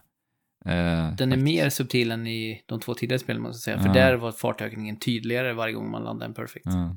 Ja, eh, vi har kanske inte nämnt det så mycket. Det är väldigt mycket teknik, men otroligt mycket timing. Så att Ja. det känns ibland som att det blir liksom lite rytmiskt när du spelar. Ja. Och det bidrar ju till den här flow-känslan. Mm. Speciellt railandet. Helt, eh, Ching, ching, ching, Ja. ching, det här ljudet. Ja, men verkligen rytmiskt. Det håller jag verkligen med om. Och så här, du bryr dig egentligen inte om hur snyggt, snygga tricken är, utan det handlar ju Nej. bara egentligen om, om att faktiskt utföra dem. Men du tittar egentligen Precis. inte på din karaktär och vilka trick det Nej. är. Utan- ibland, ibland är det ju kul att titta på replayen. Ja, precis. Eh, då kan det se coolt ut. Ja, men ibland så är det klart att, åh, det där var ju assnyggt liksom. Men, Ja. men på det sättet är ju banorna faktiskt, och nivådesignen, otroligt bra i hur distinkta alla element är som är kopplade till en viss typ av mekanik. Alltså typ grind Mm. syns ju alltid jättetydligt. Precis. Wallride-plattformar och sånt jättetydligt. Så man har ju, jag tycker aldrig riktigt kändes som problem med att reagera. Där gör de det faktiskt förvånansvärt bra. Ja, verkligen. Alltså att spela en ny bana. är- Det funkar är- ju. är- Ja, eller Ja, Ja, det blir ju reaktivt liksom. ja. Eh, ja, ja. och så- man är med på banan också. Soundtracket. Det, Och soundtracket. Det är Mm. som att det är Ja. liksom ett med, det, det är en grej att man kan ju byta på LOR kan man byta track. Mm. Och jag har gjort det flera gånger när jag försöker att grabba, som är ZR och ZL. Ja. Och varje gång så är det som att någon så här drar en nål över min kropp ungefär. Alltså det är så här, det är så sjukt jobbig känsla. Man är inne i flowet. ja. Musiken är liksom i symbios med det man gör och så bara, så bara byts, och då är det, Mm. eller är det tyst emellan innan nästa låt börjar också, någon sekund. Det, jag ska nästan mappa om det om det går, för det är så Men, störande att göra det. Det är Ja. faktiskt snyggt hur musiken flowar också, för att eh, den är ju ständig, alltid. Det, Mm. det finns inga avbrott i musiken. Eh, I laddningsskärmar, när karaktärer pratar, så bara går den ständigt i bakgrunden. Det är ganska snyggt. Mm. Det är det verkligen. Ja. Mm. Åh, jag, vill, jag, jag ska, så fort vi har stängt av inspelningen här så ska jag gå och spela mer Olly Olly World. Uh, Recommended. Okej, Ja. hej då.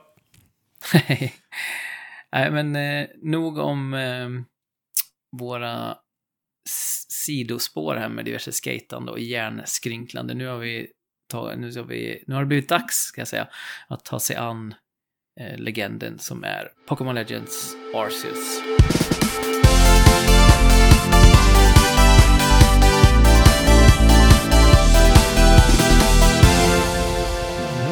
Ooh, Och eh, vi kan väl börja, börja där. Alltså på japanska så säger man då Arceus är tydligen den korrekta japanska Arceus. uttal. Okej. Arceus. Ar- Fast jag, jag har kallat det Arceus hela tiden. Jag har kallat det Arceus. Ja, Arceus utan tvekan. För att alltså. Ark, jag vet inte, men Zeus eh, på portugisiska så är Zeo eh, himmel. Så Mm. att det kan ju vara någon latinskt där, att det ska vara någonting med ark och himmel. Och sen är det ju också Zeus, alltså det är Ja, också mycket guden. Elektricitet och åska inblandat. Ja, det är det. Så att det skulle kunna vara någonting där också. Oaktat detta så är ju Pokémon Legends Arceus alltså en spin-off på Pokémon-spelen och det man då har slutligen givit fansen det de har frågat efter i 18 år ungefär. Mm. Typ. och det vill säga öppna upp Pokémon, gör det till en värld där man kan röra sig hyfsat fritt eh, och Gör något annat. 3D-spel. Ja, exakt. Utveckla er. alltså, för, alltså Pokémon i de här, hur många år har det funnits? Typ 28? Mm. 25 va? Eller? 25 år? I Sverige? 25, Eh, ja, 98 det- var röd och blå tror jag. Ja, kanske ja. De- 97 men ja. De har inte gjort någon stor förändring under alla de åren. Alltså det, det är, har varit samma spel ända sedan röd och blå med en hel del quality of life-förbättringar. Men ändå i grunden samma. Formulan är ju, ja, den är ju precis densamma. Men inte längre. Nej. Precis. För eh, Legends är ju... ehm, ja, det är ju strukturerat på ett helt annat sätt egentligen. Mm. Helt annat. För det första. Ehm, som påminner mer om Monster Hunter och kanske i viss mån Zelda-spelen. Ehm, Men- ja. Men det, det tycker jag är lite intressant med Arceus för att det, det, handlar ju om att du blir då, faller ner från det här time, eh, time and space continuum-hålet i den här eh, världen som är någon slags feodala Japan-stil då. Och det Mm. är ju en prequel till alla andra Pokémon-spel. Så att Pokémon i den här världen är ju vilda och okända för människorna som bor här. De, de håller på liksom och kartlägger vad de olika Pokémon-sorterna gör, men alla Pokémon-sorter är potentiellt livsfarliga för Exakt. människorna här. Det är så kul hur de pratar om Pokémon are terrifying creatures. Ja. ja. Jag fan är ju liksom van vid att de är små gulliga Ja. figurer som man liksom Precis. är kompis med. Ja. Men här Ja. är det verkligen så här, ja, man vet inte, man ger sig ut liksom i en djungel och där kan det finnas vilka farliga djur som helst, man har ingen aning om hur man ska bemöta dem för att de har också en massa olika moves, det säger de också i spelet så här, Mm. alltså man vet inte vilka, vad, vad de ska ta sig till liksom. Nej. Plötsligt kommer det bara en blixt från himlen och bara shit, Precis. var kommer det ifrån? Ja. Som om man själv hade gett sig ut bland Pokémon och bara inte hade vetat att eh, Oshawott sprutar en stor vattenstråle i ansiktet på det rätt som det är. Liksom. Det här, man kan ju tänka sig hur det hade varit. Exakt, och det, det är lite den världen som jag har velat, velat väldigt länge se. Uh, även fast det här är väldigt, väldigt eh, tacksamt, eller vad säger man, snällt gjort. Det är inte som Mm. att det är inte som att man själv blir rädd för, eller jo okej. det kommer vissa tillfällen uh, då man blir lite rädd för Pokémon. Men det är fortfarande samma gulliga monster som vi ändå vet hur vi ska hantera. Ja, eh, det- och så vidare. Det är, ro, ja, men det är roligt när vid ett tillfälle ganska tidigt i spelet så springer det ju in ett antal Bidoofs, alltså de här får-liknande Pokémon, in i byn eh, som man är i och de får panik över att Ja. de här bidufferna har sprungit in där. De, de Snällaste vet inte hur de ska, som finns liksom. ja, de vet inte hur de ska hantera de här. Bara, hur, kan du hjälpa oss? Vi vet inte hur vi ska ta, vad vi ska ta oss till. Ja, Eh, och det bästa är att eh, du kommer till den här världen eh, i, i forntiden och alla, eller den första personen som du träffar är en professor som, som blir så hänförd över hur bra du kan kasta. Ja. och det, där ligger liksom styrkan, din styrka som Ja. karaktär, att du kastar riktigt jäkla bra. Eh, Men det är ju förståeligt man behöver naturligtvis kasta Pokémon och träffa Pokébollen och, Eh, Men det-. Men det, det är som att de här aldrig har kastat sten liksom som barn. det, men det finns mycket saker i den här början. För det första, den här professorn, vad är det för mössa han har på sig? Ja. Den stör mig på Jag oavbrutet. Jag har börjat gilla mössan alltså. alltså, jag tycker, det kanske är ett Stockholmssyndrom då, Ja, efter ett tag. verkligen. Det är lite som eh, det grafiska i spelet. Jag börjar gilla den till slut. Men den är ju horribel. Ja, när man blir alldeles röd så fort det är mörkt på himlen. Just det. att det är någon konstig skugga. Och... Alltså, Men Ja. det, är, det är kul detalj tycker jag med pokébollarna att, man, att det är ju liksom handgjorda typ Ja. trä-pokébollar som man kastar. ja, jag älskar det. detalj. Jag älskar verkligen det. Och Ja, Så här, eh, estetiken. jag tycker så mycket om eh, just eh, den visuella effekten när du fångar en Pokémon. För i alla Mm. andra spel så har vi en så här, ja, den är ju absolut inte så analog som den är här. Men det är någon effekt Nej. liksom att, äh, ju, ju, Det kommer ju stjärnor. Liksom. Ja, typ. Jag vet, ja, jag kommer inte, men det är väl så. Men nu så skjuts det upp ett litet fyrverkeri. ja. och det är så här, Som sprakar. ja. Alltså den ingenjören ska ha en eloge alltså, snälla. Ja. Ja.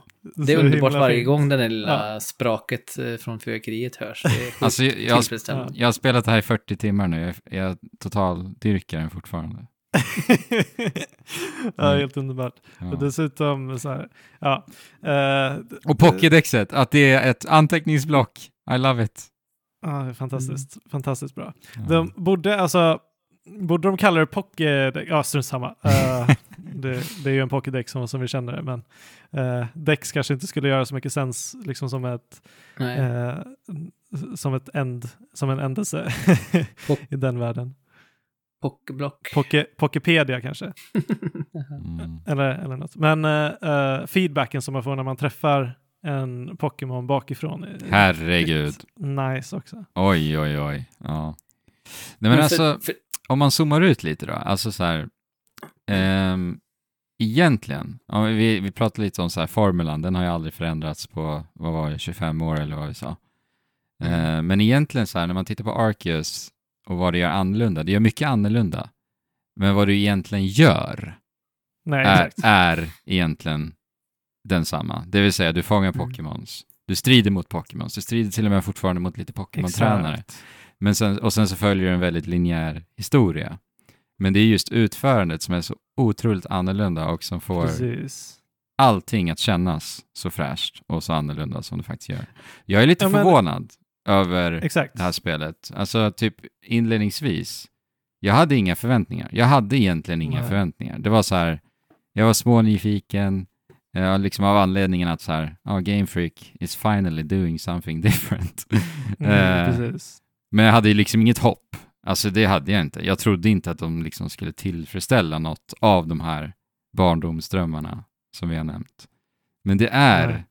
det kommer ifrån utförandet, att de faktiskt, de är där och eh, de träffar några, några ställen. Ja men exakt, alltså, det känns som att de, har, de satte sig ner och eh, sa, la på bordet så här. Det här är Pokémon-konceptet. Mm. Hur ska vi designa mekaniker kring det här så att allting, så, så att allting går in i liksom, det konceptet. våran, Ja, vårt grundkoncept. ja, Eh, och grundkonceptet är ju fånga Pokémon. exakt. Gotta catch them all. Ja. Och det är så som de gör det här, det, det är det är nästan flowigt. Ja, På, exakt. Precis som, eh, ja, eh, som, som Olly Olly World. ja. Att, att det, det, är en, det är en open world. Open world-konceptet i sig är väldigt urtjatat och urvattnat. Men så som, så som de gör det här, att det är Pokémon eh, att du liksom fångar Pokémon. Eh, du måste, eh, du måste samla material för att kunna eh, göra typ Föremål. potions som du annars typ aldrig använde, som det här använder hela tiden. Ja. Eh, och, och det gör du genom att bara kasta Pokébollen Mm. eh, dit du vill plocka upp någonting som ligger eller någonting som du vill mina. Så att det finns alltid liksom en, en framåtfart. Och det är inte, alltså om du kommer in i en strid så rör du ju fortfarande. Så Alltså du när kan liksom när jag gjorde det första springa. gången, jag var what? Det är en så trivial sak, men som gör Ja. så förvånansvärt på- mycket. Det gör otroligt mycket. ja. Det påminner ju om till exempel Dragon Quest eh, 11 och så, där man liksom, det spelar ingen roll hur man positionerar, positionerar sig, typ. Det kan påverka lite grann, men inte, egentligen ingenting. Men bara känslan av att man kan se fighten från olika vinklar, Vinklar. och röra sig runt. Mm. Det, det Verkligen. ändå någonting. Ja, men dels, dels så är det ju liksom, det tar en sekund att komma in i en strid. Ja. och slänger ut en Pokémon och blir battle ready. Mm, och d- när du kan röra dig så får du ju någonting att göra i de här mm, Precis. mellansekvenserna som också är väldigt rappa. Mm. Ja, Och som sagt, du behöver inte det bara, trycka förbi supereffektiva texten eller så här, eh, attacktexten längre. Det är Det liksom... är bara helt sömlöst. Ja, Helt sömlöst.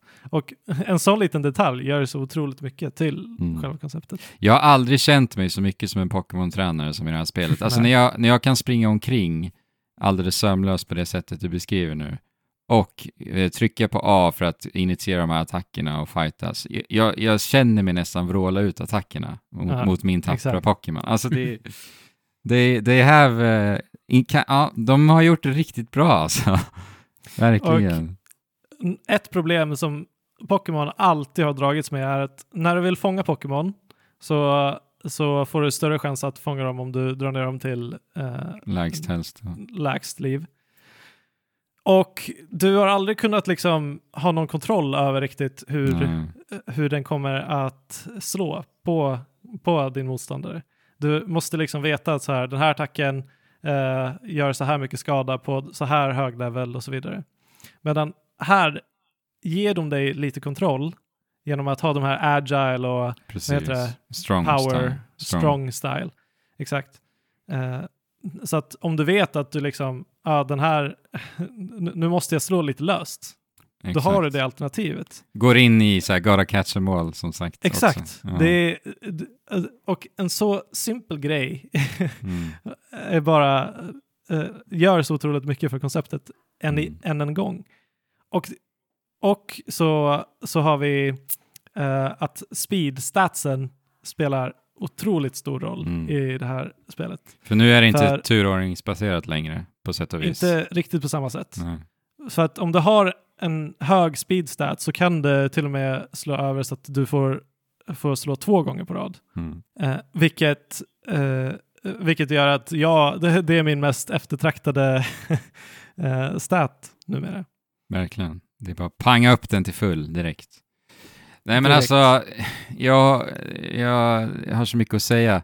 Jag, jag tror så här, det enskilt mest underbara med Pokémon Legends Arceus, det är just sömlösheten i allt. Mm, visst. Alltså, som vi säger, du kan kasta pokébollar på Pokémons och då börjar den här, ska jag fånga den eller ska jag inte fånga den animationen, helt sömlöst, Ja. direkt på plats. Och sen har, får du lite eh, RNG på din sida så fångar du den. Alltså du kan fånga liksom fyra, fem Pokémons inom loppet av några sekunder. Det är bara att Ja. kasta på Pokémons ut i den öppna världen. Och just att du kan fånga Pokémons genom att bara sikta bra, träffa dem och som sagt att strida, ta ner dem. Alltså att du har det Mm. valet. Alltså det ligger så mycket i, i spelaren nu. Alltså det finns en Exakt. frihet hos spelaren. Alltså jag strider ju bara av min egen vilja och det är det också som gör att jag tycker att Precis. striderna håller. Jag tycker ändå de håller i kombination med att de ändrar så här, eh, lagt till lite Ja. element också och att det är så sömlöst. Alltså jag blir liksom inte trött på striderna som jag blev efter typ en timme i varenda Pokémon-spel någonsin. För att de, ska ju, de tvingar ju in dig hela tiden. Det är alltid de där Precis. jädra tränarna som står och med utropstecknet ovanför huvudet så måste man strida och så vidare. Ja. Men allt, här ligger det på dig. Alltså det, det är du som bestämmer. Och vilken väg du väljer att ta sp- spelar ingen roll. Du kommer komma Exakt. åt Gotta Catch All, eh, vad du än väljer. Och sen gillar jag att det krävs lite av spelaren att fånga Pokémons. Du behöver sikta, det, du får Mm. en större chans om du träffar dem i ryggen som sagt med den här underbara effekten. Men sen så är det också lite Mm. så här, ja det är lite smygmekaniker, du kan gömma dig i högt gräs för att inte Precis. bli hörd av Pokémons och så vidare. Och sen kan du mata dem lite för att de ska bli lite distraherade, så kan du smyga fram. Och, alltså det Och så har de är favoritmat också. favoritmat, ja precis. Eh, och sen som sagt föremål du kan snickra ihop som du kan utnyttja Ja. på, på lite sätt. Och de beter sig olika också, Pokémonsarna, eh, ute i världen. Så du får ju liksom ta dig an dem på lite, lite annorlunda sätt. Men där är väl lite så här saker man kan önska till eh, framtida spel, eh, framtida iter- iterationer. Lite, lite mer beteenden kanske hos Pokémon så utnyttja lite mera unika föremål för att komma åt dem och sådär. Men alltså, Ja, definitivt. det är så mycket nytt här så, som känns så, Ja, så Alltså, det- det- det finns ju ändå lite beteenden i Pokémon. Alltså, Ja. Vissa är inte rädda för dig. Eh, vissa, vissa söker upp dig och så är intresserade av dig. Typ Bidoof, Eh, som alla ja. i byn hatar. liksom. ja, precis. Ja, Och vissa men, är ju aggressiva och Ja. ger sig på dig direkt. exakt. Och vissa springer ju iväg så fort de ser dig ens. Och så. Ja, exakt. Mm. Eh, så att då måste du smyga. Och eh, även, Eller även om du använda inte ser items. strid så, så kommer den att eh, fly. Ja. Om, den, Ja, men om, den, om det är en rädd Pokémon.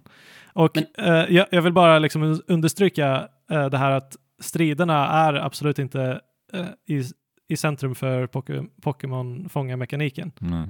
Eh, typ kanske 15-20% av alla Pokémon jag har fångat har jag Ja, gjort samma här. i strider. Ja. Så det, det är ju väldigt mycket mer typ så här. det, det känns som du går i en äppelträdgård och bara plockar träd ja. på ett sätt. Och det är så gött, att- en liten detalj bara så, som är så nice också. Det är ju att varje Pokémon-boll har ju en unik eh, bana, projektilsbana. Mm. Och det är också, tycker jag också är en sån här liten detalj som är så jävla smart. Och för att det, det gör ju att du får ta dig an Pokémon, att hur du ska fånga den lite annorlunda. Till exempel Precis. finns ju de här eh, tunga bollarna som typ bara droppas egentligen rätt framför dig. Så då måste du ju smyga upp liksom precis vid Pokémonen. Och de är ju Precis. jätteeffektiva då också. Sen har vi så här feather balls tror jag att de heter. Som eh, du kan egentligen typ snipa Pokémons med från väldigt långt Mm. avstånd. Ja. Så I like that. Än en gång, Men det- går in i fånga Pokémon-konceptet. Men det som är intressant, du pratade om att så här, som sagt oavsett hur man hur man gör så kommer man att komma framåt. Man behöver bara liksom agera i den här världen. Men det är också den här Monster Hunter-aspekten. Jag, jag kom, återkommer till att det känns som ett äldre Monster Hunter-spel. Dels för att de här regionerna är ju avdelade, så du kan inte röra dig fritt i en hel Det värld. är inte en helt det öppen värld, nej. Nej, Nej. utan du går in i en region och där kan du röra dig fritt. Eh, Förvånansvärt stora ändå. Ja, Ja, men, men det känns ju mer som gamla tiders Monster Hunter-zoner, skulle jag säga, men kanske expanderade då. Ehm, för det är ganska platt, alltså det jag har sett i alla fall, jag har inte, jag har inte kommit så himla långt i spelet jämfört med er, men det jag har sett i alla fall är att det är ganska platt. Alltså designen på varje värld är så här, det känns lite, Mm. det är inte så dynamiskt designat om man säger så. nej. Ehm, Det är Pokémons som skiner egentligen. Det är det som, Ja, är, det, är det som så här, ska vara det som eh, driver din nyfikenhet, om man säger så. Men, men just, precis du säger med nyfikenhet, just det här att man ska liksom kartlägga och utforska Pokémon utifrån ett perspektiv att de inte har gjort det i den här världen Mm. förut, är ju intressant Mm. att man kan välja vilka utmaningar man tar sig an som sagt och du kan välja att bara fånga massa, massa Pokémon av en sort eller du kan välja att göra en speciell Ja, attack, eller Det, precis. det, det, är li- Ja. det är lite som, det är lite som Olly Olly World i det, i det avseendet att du väljer vilken liksom, nivå du vill gå ner Mm. på. Antingen kan du köra de enkla tricken många gånger eller så kan du göra några svårare trick färre gånger för att samla ihop de här tio poängen Ja, du tänker krävs för att på... ha kart, kart, granskandet. kartlagt en Pokémon. Ja. Ja, Ja, för jag, För jag det- tycker det- det konceptet går så otroligt bra in i, i, jag håller med. i det här eh, antika och det uråldriga och att vi ska... Det känns naturligt. Ja. Det känns inte krystat, utan det känns som att nej, men de här tio forskningspoängen då som man får ihop genom att göra olika uppgifter på varje Pokémon. Mm. Ja, men då har man liksom kartlagt den. Det känns bra på något sätt, som att man Exakt. hjälper Ja. invånarna i den här byn att faktiskt kartlägga dem på riktigt. Inte bara så här att det är en storygrej, utan att du faktiskt utför själva arbetet också ute på fältet. Jag blev så glad också, så här designmässigt, när jag insåg, aha, jag behöver bara 10 för att eh, den ska bli avbokad. För när jag tittade på den skärmen initialt, Ja. då stod det så här, catch 25. jag var oh my god, what is this game liksom? Ja. Eh, Ja. Och då hade de ju gått den enkla vägen, så här, eh, triviala sidouppdrag som man ska vara, ah. men det var snyggt löst. Och jag tyckte, Ja, du kan välja vad du har lust med helt Exakt. enkelt och så kommer du alltid få ihop de där 10 poängen. Det är en jättebra Mm. designval, Verkligen. eh, tycker jag. skapar ju lite varier, variation också på det sättet. Så här. Hur, vilken ska jag välja eh, till den här Pokémon? ja, precis. Ska jag fånga 10 eller ska jag, Mm. ska jag döda 10? Nej, jag tänkte bara utforskar eh, aspekten. Alltså, eh, den är ganska, i alla fall, i alla fall i början av spelet, när du är ganska begränsad. Från första, från första området så kan du bara gå, gå lite från den designerade vägen. Och sen finns det en alfa Snorlax som står Ja. där på en, på en strand och är skitfarlig. Eh, Typ level naturligtvis- 60 eller något sånt där. Ja, Ja. jag tror 40 eller någonting om man Ja. själv är typ 10. Mm, eller vad det är. Mycket i alla fall. Eh, mm, och, men samtidigt, eh, den Pokémon var level 40. Jag hade väl kanske level 10 eller 15. Eh, och jag lyckades ändå med alla mina Pokémon eh, få, få ner den, men jag lyckades aldrig fånga den. Oh no. Men, men just att liksom bakom, bakom den Snorlaxen så visste jag då liksom när jag fortsatte mitt äventyr att där finns det massa ut, outforskade grejer. Mm. Jag kan tycka att liksom eh, den raka vägen blir väldigt, väldigt mättad med Pokémon. Mm. Att- Det är liksom, det är eh, 20, 20-tal av samma Pokémon som du ser på samma ställen och det blir väldigt förutsägbart liksom. Eh, men det kompenseras delvis i det du kan utforska. Och när du väl kommer över en liksom super cool och super rare Pokémon så, så är det en härlig upptäckar, upptäckkänsla. Verkligen. Ja, jag, tyck, jag, jag tycker också att eh, Monster Hunter-liknelsen går att dra eh, igen i den här byn. ja, För helt klart. Mm. en central del i det är att man sitter och äter så här Potato mochi. eller vad- eh, Jag älskar för övrigt när, när eh, den här kocken till slut bara, ah, men jag kan ju använda eh, en eld-Pokémon som kan hjälpa mig att tillaga det här. ja. Åh, vad coolt! ja. All, ma- man märker hur hela, hela befolkningen eh, liksom Blir lite masserade. För Ja, Pokémon. exakt. Ja, Eh, och börjar använda dem till som hjälpredor liksom. Ja. Och bli och jag kompisar. tycker, tycker att flera av karaktärerna också är ganska härliga, som hon den gamla tanten som har, eh, vad heter det, frisören som är frisör, man kan gå och klippa sig hos. Eh, Mm. Det var en av de första sakerna jag gjorde i spelet, att jag klippte mig och då får man ju se en sekvens där man sitter i frisörstolen och så här, hon frågar hur vill du ha det, dear, eller vad hon nu säger liksom. Eh, Och det, det finns många små sådana här mysiga detaljer, även om såklart i sann Mm. Så finns det en himla massa tjafs som man inte skulle behöva. Det är liksom spaltmeter med onödig Ja. dialog, men, Mm. men eh, det finns en hel del små guldklimpar som känns som, ja men, som Lite när man går runt i en. Monster Hunter-by. Mm. Mm. Men alltså, ehm, om vi ska prata lite om presentationen och dialoger och så. Eh, det här att ha statiska modeller av karaktärer som står och stirrar blint ut i Ja. rymden. Liksom. Det funkar inte i 3D-spel. Eh, eh, alltså, det hade varit så lätt att bara ge alla karaktärer någon liten animation som gör att de håller på med. Men alltså, det, det är väl delvis sådana saker som har gjort eh, som, som var svårt med transitionen mellan 2D och 3D Mm. RPG. Så att man liksom var van vid att spelaren kunde använda sin egen fantasi. Men det går inte att göra när det blir så explicit i Precis. 3D-grafik.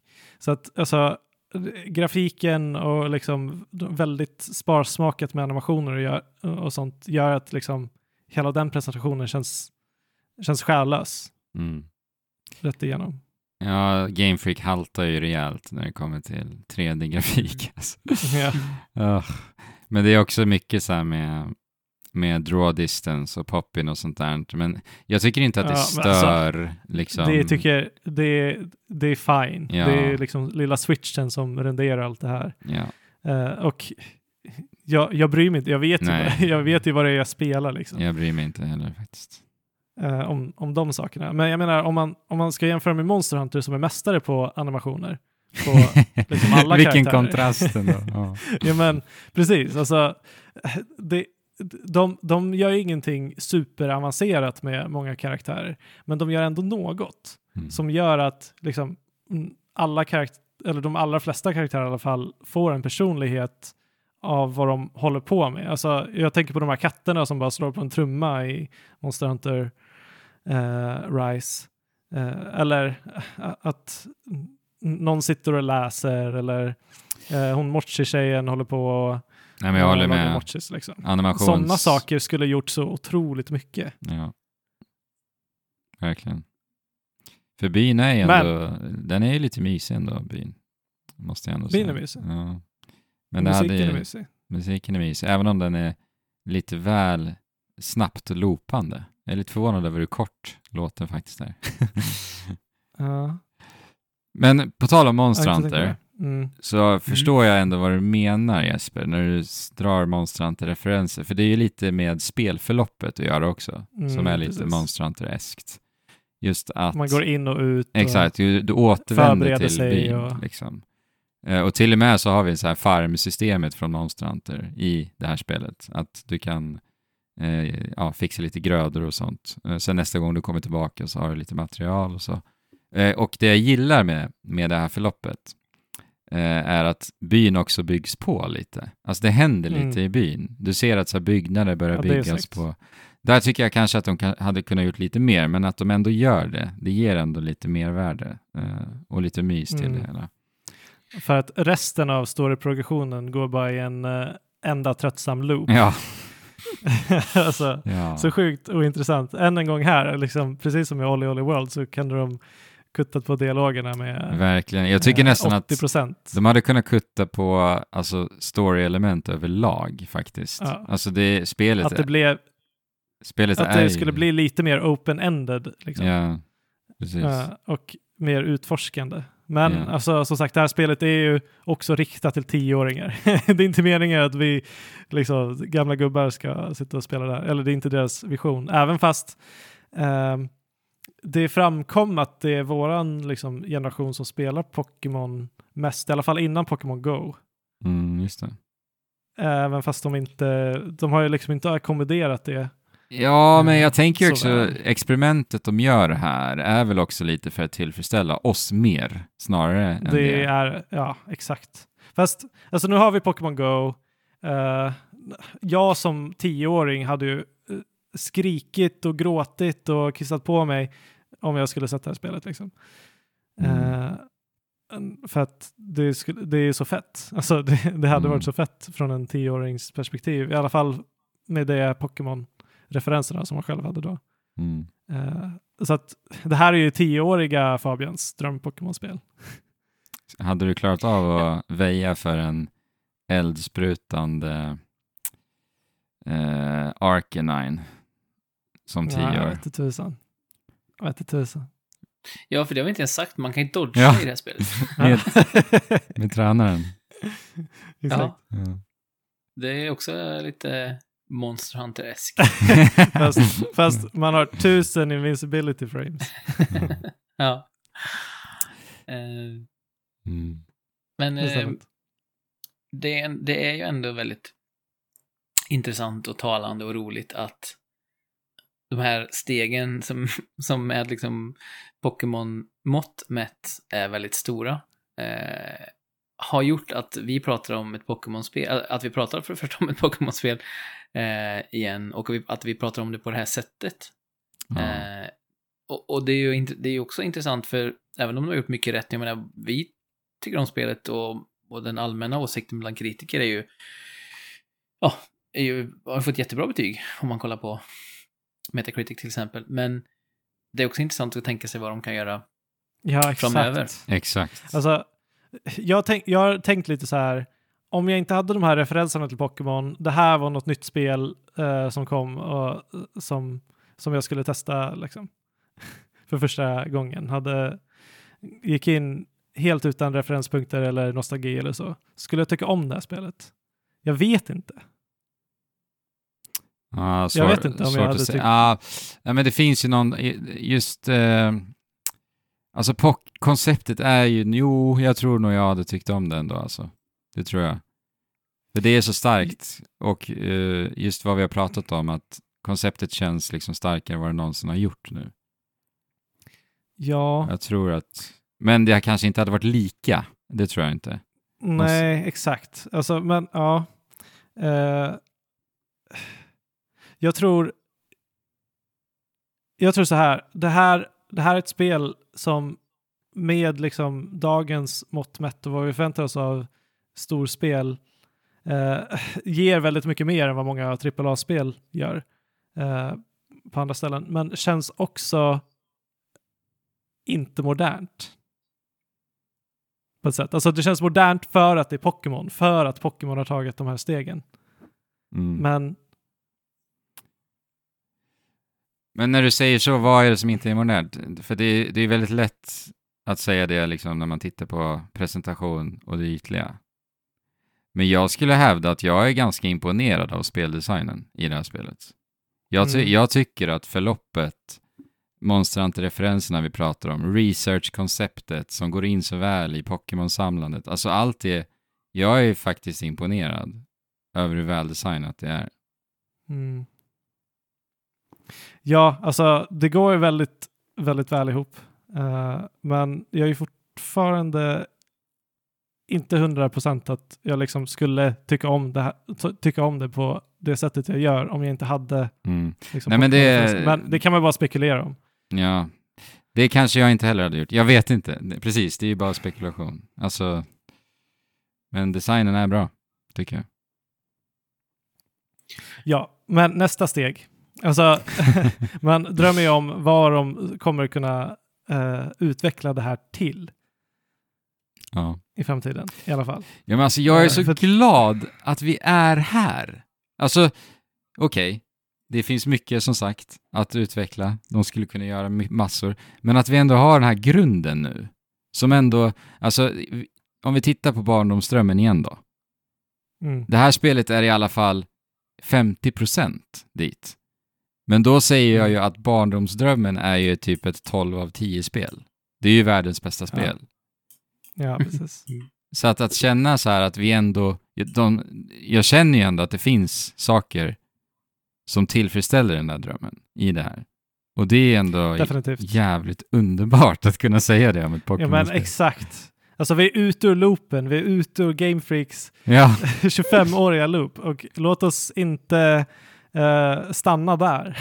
Alltså använd det här momentumet och ja. eh, återuppfinn dig själva. Och på tal om det, 6,5 miljoner exemplar sålde det bara de första dagarna. Ja. Så att det känns, känns väldigt bra, måste jag säga. Ja, Jag har aldrig velat att ett Det- Pokémon-spel ska sälja så bra som det här. nej, exakt. Och alltså, de kan ju inte gå tillbaka efter det här. Nej. De kan, alltså, de kan ju inte släppa ett, ett old school, som vi nu kan kalla det, Pokémon-spel. Mm. Nej, men det blir ju intressant Eh. att se hur de tacklar framtiden. Om det nu, för Jesper sa ju inledningsvis att det här är ju en spin-off. Kommer det bli, liksom, Exakt. kommer det dela sig och bli två upplevelser? Ja, det, Jag kan säga att Monster Hunter, eller Monster Hunter är inne på hjärnan nu. Resident Evil 8, eller Village, har ju sålt strax under 6 miljoner över Totalt. alla plattformar totalt. ja. Så det är ju helt otroligt vilket, liksom, vilken kraft Pokémon fortfarande har. ja, eh, Ja, det är galet. 25 år senare. Ja. Eh, och eh, ja, och, men det, jag tänker kopplingen till, till Breath of the Wild finns ju, eh, tycker jag, jag Väldigt tycker nästan mycket. att de gör blinkningar hela tiden i hur saker och ting ser ut och låter. Bara en sån sak som att man svävar runt i en liten sån här intighet, det första som händer och blir till, tillsagd att wake Ja. up. Just det, Redan där känns det som Ja. att det är ett Breath of the Wild verkligen. men, men det jag tänker på här är liksom korsbefruktningen mellan Pokémon och Breath of the Wild. Vi har pratat om att vi vill ha fler sådana här eh, ja, men sk- man skulle kunna slänga in sådana här alfa, alfa Pokémons i, i Breath of the Wild, det vill säga fler sådana här typer av överraskningar. Mm. Mm. Men någonting som slog mig nu är, tänk att kombinera ett Zelda-spel med ett Pokémon-spel, eller åtminstone Pokémon-aktiga inslag, där du skulle kunna träffa på de här djuren i, i en Zelda-värld. Tänk att slå ihop de här två spelserierna och ge, ge dem varandras bästa egenskaper, då har man ju, då har man ju det du säger, eh, Andrew. Ja. Eh, det är spel som spränger ens hjärna. Alltså, det jag menar är att om man, om man ska kunna komma i närheten av Breath of the Wilds eh, fidelity Mm. och puts i de här spelen. Så, eh, så Precis. där börjar man närma sig Och eh, en dröm. Alltså, jag, jag kan tänka mig att liksom, ha någon typ av Pokémon-mekanik i Breath of the Wild eh, på det här sättet hade varit en, en riktigt eh, bra motivator att utforska. På något- precis, sätt. Det är det jag menar, det är som Ja. att om man lyfter in det här spelet i Breath of the Wild så får man liksom en rolig eh, sido bonus. liksom. Ja, exakt. mm, Men skulle man göra tvärtom, att man lyfter in utforskande, tänk att gå in i liksom en, en mörk grotta där det droppar från taket och där inne finns en, eh, kom på någon bra liksom, typ som gillar en tentacrulian pearl där inne. Alltså just den här, alltså Elden Ring har ju, det vi har spelat av Elden Ring, man går ut på en strand, man ser Mm. såna här konstiga, nej, men jag förstår vad du Eh, men menar Jesper. Mera, mera liksom unika överraskningar. Som, Precis. ja, att världen skulle liksom vara anpassad efter att Ja. så här, ja men nu går jag in i djungeln och då, där kan jag träffa på de här precis. Då kan jag träffa på en Cresselia som svävar runt bland träden. Alltså bara den här känslan av att, Ja.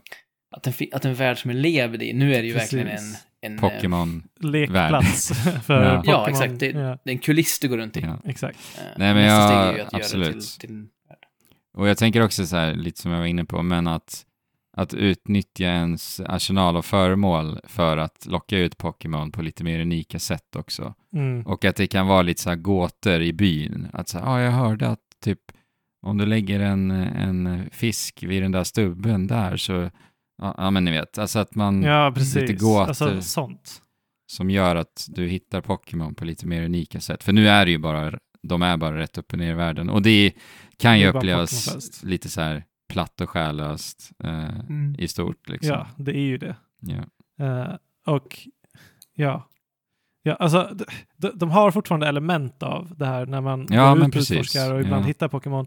Men det är just, som du säger Jesper, kulissen som gör att alltså, man, man, ser, man ser spelet. ja, Eh, det gör man. och Ja, det, men tänk- det, det är lite överflödigt. Alltså det hade inte behövts så Nej. mycket.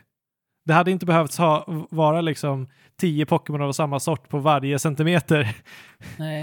eh, Men tänk av att kunna- Tänk att kunna så här, använda en Pokémon för att rida på klättra upp för ett berg och utforska en, eh, en liksom eh, platå och där hittar du någonting annat. Och tänk dig att dyka ner under vattnet med en Pokémon och hitta någonting Mm. Exakt. under vattenytan. Alltså det här är ju, det är ju långt ifrån vad det här spelet är. Och Ja, det, det är ifrån. klart att det är väldigt ambitiöst, men, men den känslan är ju är någon slags Det finns ju inget open world-spel som är det där heller i, än Nej, idag. exakt. Nej. Och, men det är ju drömmen liksom. Ja. Horizon. Snart är det där. Horizon. ja, de kommer naila det. Ja. Nej, men jag, jag kan väl också om man så här, bara för, på förbättringsområden och, och så, jag skulle nog ändå vilja se, för jag, det du var inne på Fabian, lite så här begränsningar i hur du kan eh, utforska. Eh, att så här, spelifiera lite att röra sig i världen. För att nu kan jag uppleva att det känns till slut, man får ju lite så här riding Pokémons eller vad de kallar det Mm. eh, där du kan rida och, och åka på vatten och så vidare. Men att på något sätt kanske spelifiera det lite mer så att det blir lite mer, alltså att det kräver lite mer att Ja, göra det att för att nu öppnas det bara Du upp. hittar den Pokémonen. Ja, precis. Ja, Det blir ett äventyr exakt. att erhålla den Pokémon. Medan ja, här är det bara på räls och du, du har och, och att kunna säga välja den Pokémonen själv. Alltså det behöver Exakt. vara en vatten-Pokémon eh, Ja. och så vidare. Så, Jag gillar detaljen eh, att de säger att de säger någon gång tidigt i spelet så här. Ja, I teorin så kan man ha med sig sex Pokémon samtidigt. Men ingen i hela världen är skillad nog för att kunna ha det. så, så här, det, det, uppenbarligen, eller tydligen så har det bara med hur, hur eh, duktig man är eller hur bra man är på att ha Pokémon. det är helt omöjligt att fylla en sex. Ja, det är lite kul. Jag, jag har ju klarat av spelet också för övrigt. Ja, jag med. Ja, ah, nice. Det, men det händer mycket efter, vilket är lite trevligt faktiskt. Eh, men jag, för jag har inte klarat det 100% om man säger så då. Nej, nej. Nej. Jag, jag klarade storyn igår. Ja, att- nice. Men jag måste säga, jag är engagerad. Jag kommer nog köra på alltså. För att det de gör ändå på ett lite engagerande sätt efter spelet. Okej. Ja. Ja, För det finns ju en Pokémon där som du gärna vill träffa, eller hur? ja. Och det, ja, spelar lite på det. Men ja, Det är lite endgame. Ja, för det första som kommer upp är så här. eh, du måste fortfarande fånga alla Pokémon. exakt. liksom. Precis. Eh, så att Kom- det är nu inte. Gotta Catch 'em All som Mm. börjar. Ja. Ja, men jag, har, jag, jag har nog aldrig känt så starkt för att faktiskt göra det i ett Pokémon-spel som det här. För det är ju inte så många heller, det är ju det. Alltså det är inte tusen, Nej, liksom. Nej, precis. nej, det är görbart. ja. Och eh, eftersom att det är så sömlöst och flyter på så bra så, ja, exakt. så känns det också görbart. Och, och det är någonting med springanimationen. Alltså att bara röra sig i det här spelet är gött. Jag vet inte vad det är. Det, är bara, det känns bara nice att springa. Man kan ju Alltså- springa ganska snabbt också. Och dodgen är ju snygg, tycker jag också. Ja. Ja, man kan springa Ja. snabbt också, precis. Mm. Ja, nej, de har gjort ett bra jobb. Alltså, jag rider alltid. ja Alltså, det gör alltså, det. det, Okej. det, det, är så, det är så lätt att bara rida. Man trycker bara på en knapp och... på Intressant ändå, för jag gör Direkt. faktiskt inte det nu när du säger det. Nej. Men det okej. kanske är lite just för att jag faktiskt tycker om att springa Mm. som jag gör det. Ja. Ja, nej. Det är, jag tycker det är lite synd att du inte kan kasta, eh, kasta ut dina Pokémon från ryggen Ja, på en På, Pokémon. ri- ja, För, med. för det hade gjort att allting blev en, skulle bli ännu lite mer sömlöst. Men å andra sidan så liksom ger du en motivation att hoppa av hästen och titta runt Mm. omkring dig. Men det finns ju Testa. lite, på tal om det, det är lite så här bök med kontrollscheman ändå, tycker jag, i spelet. Typ att du trycker på plus för att det börjar rida Pokémons. Det blir lite så mäckigt ibland, speciellt när man ska använda en senare riding Pokémon. Ja, kanske. Och även, eh, jag typ glömmer alltid bort vart satcheln är, är vart pausmenyn är. Alltså det, det finns inget riktigt så intuitivt i hur det är mappat. Tycker jag inte riktigt. Nej. Och sen också, varför finns det inte radial menyer? För att det är ofta du så här fipplar Exakt. eh, Ja, pepprar för att komma till ett föremål du vill använda. Så- precis. Det blir Monster Hunter innan man, Precis, eh, innan man skaffade, fixade Radeon-menyn. exakt. Det finns många Exakt. Monster Hunter-referenser här känner jag. Mm. Mm. Ja, men det känns ju som att de har inspirerats av Monster Hunter, tycker jag. Mm. Eh, liksom aktivt inspirerats av Monster Hunter, tycker jag. Mm. Alltså, Pokémon slash Monster Hunter kan ju vara en av de mashupsen Ja, jäklar. i hela Poké världen. Hunter. Pocket Monster Hunter. Mm. Pocket Man- Monster Hunter. Ska man Ja. eh, dräpa Pokémons för att eh, ta deras delar och göra rustningar och springa runt i ett Pikachu-huvud Åh, och nej. en eh, Det vore väl coolt? Voltorb-kropp. Just det. Voltorb. det vore coolt. Men också att man har med fånga-mekaniken. Mm. Att, de, alltså att Pokémon är riktigt farliga. Liksom. Mm. Man, man eh, tar det till nästa liksom, vuxna nivå. Men alltså, Det finns ju, det finns ju för övrigt så här, eh, mangas där Pokémon liksom slicear varandra i tu och grejer. Och det är lite mer mm. liksom- Mm. våldsamt. Alltså, Jag tänkte, säga, jag tänkte att du skulle säga att eh, det finns vuxna teman och då tänkte jag på andra Pokémon. Ja, det finns det nog en som också- uppsjö som av. också finns. Kanske är nästa grej att man lägger in en dating-aspekt av Pokémon. Du kan antingen fånga, besegra Nej. eller dejta. nej, nej, nej, nej, nej, nej. Lägg inte sådana här dumheter i huvudet på folk. Vilken Pokémon Det hade kommer ni dejtat ske. ni- Det kommer ske. Eh, Ja. Vilken Pokémon det hade ni dejtat? Oj. Hmm. jag, tänk, Hmm. jag, hade, jag hade inte dejtat Mr. Mime. Mr. Mänsklig. Ja, Jinx eh, är ju en Har klassiker. ni, har ni gjort sidouppdraget med Mr. Mime förresten, i byn? Nej, jag har inte gjort det. Nej, okej. Eh, jag har sett den. Det var lite kul faktiskt. Eh, De leker lite med så osynliga väggar och så. Aha. Mm. Det är roligt, Ja. i, i nya Fifa 22, trycker man på X när man ska eh, rädda en straff som målvakt, så börjar målvakten göra sådana här, och det är inte efter Mr. Mime såklart, men den börjar göra sådana här meme-rörelser, liksom stå och låtsas som att den tar på en fönsterruta för att Ja. psyka straffskytten. nice. Ah, Men Så att fotbollsspelare kan lära sig om Mr. Mime. Ja, fotbollsspelare spelar också Pokémon. Men d- den frågan, vilken Pokémon man skulle dejta, kanske vi kan slänga ut till vår Discord-community, vår Discord-server som är eh, vid liv och väl. Så, Men alltså, om du säger dejta så känns det som att det ska vara romantiskt och sexuellt. Liksom. alltså, romantiskt Eller? kan det ju vara. Det behöver inte vara sexuellt. Det kan, Nej. det kan stanna vid romantiskt. Vi kan stanna vid romantiskt. Ja, okej. Eh, men eh, som sagt, vi kan kasta ut den frågan till Discord och är ni inte med på Discord än och ni måste inte svara på den frågan för att få gå med i vår Discord. Ni får gå med även utan att svara på den frågan om ni vill. Eh, då kan ni också delge oss vad ni tycker om det nya formatet, Trekraften Legends, det lite mer öppna formatet. Se vad ni tycker. Vi, vi, vi spelar ju in på med träutrustning också. Vi har ju, det är ju en av grejerna vi ändrat, att vi bara har trä eh, mickar och trädatorer att spela in. Exakt. Och, och det här är inspelat på en sån här grammofon som, som eh, Mm. sticker hål i en eh, LP-skiva. Just det. Precis. Väldigt analogt. Det ska bli mer autentiskt helt Och enkelt. så blir det fyrverkerier varje gång vi avslutar en mening. Ja, precis. Så att, eh, har ni, ser ni inte och hör fyrverkerierna så hör av er så ska vi försöka eh, bugg eh, söka, se om det vi kan Precis. Mm. korrigera. Men eh, detta är mitt sätt att säga att vi avrundar för, för denna gång. Om ni inte har någonting mer ni vill säga för att avrunda Pokémon Pokémon. Legends Arceus. Gotta catch them all. Gotta catch them all. You know it's my destiny. Jesper, du har ju då alltså en vecka på dig här att bränna igenom 30, 40, 50 timmar Pokémon innan... Och ska jag si- sitta fast på en himla val i fem timmar i um, Olly Olly World också. Och sen ska jag sitta fast på en bläckfisk i åtta timmar. Och så, ja, det kommer... Sen ska du det, träna hjärnan inför Breath of the Wild 2. ja. Jag får nästan Ja. ta en veckas semester. Jag har precis varit på semester en vecka i, i fjällen, men jag kanske måste ta en vecka till. Jag får säga Det till min arbetsgivare att nej, det här håller inte. Jag måste... Ha en Pokémon-semester. Jag har andra åtaganden som är viktigare just nu. Det Snart låter kommer- viktigare, måste jag säga. Ja.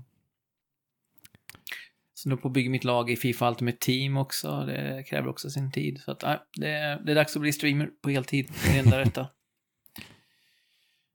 Men eh, vill du att jag ska bli streamer så uppmanar jag dig att gå in på Discord och skriva det nu. Så att jag vet det. Så har jag, har minst en person som skriver det så kanske jag gör förslag i saken.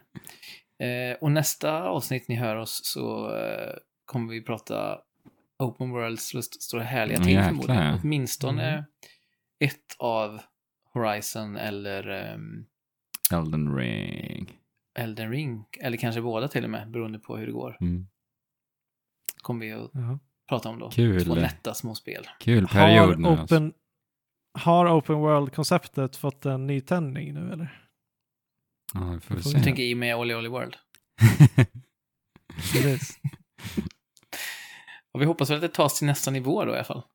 Mm. nu. Och så ska det bli spännande att se vad, vad de här två spelen vi nämnde här, Elden Ring och Horizon Forbidden West gör med Open World-konceptet. Det känns på förhand som att de har potential att, Ja. att föra det framåt på lite olika vis. Men Det är Horizon lite... med sina Ja, förlåt. dynamiska. förlåt. Nej, jag skulle säga Horizon med sina dynamiska eh, flöden som det ser ut som det finns i, i trailer, men i trailer vet, man, vet vi vad man kan göra. Och Elden Ring med sin blandning mellan det här, ehm, vad ska man säga, upptäckandet som, Ja. man, som sker i, i, i, spe, i, i Zelda So- Cross Souls. Dark Souls. ja, precis, Soulsborne-spelen parat med liksom, de lite mer tajta upplevelserna. Det känns som att det har potential att flytta, Mm. flytta genren framåt. Jäkla Horizon och få en sån, sån jäkla utmanare varje gång det ska släppas. Igen. Ja. Mm. Men ja, det blir kul. Kul period faktiskt eh, av spel nu, eller hur? Mm. Ja, det ska bli härligt. Men eh, som sagt, eh, tills dess så får ni kära vänner spela på och eh, chip. Tjola.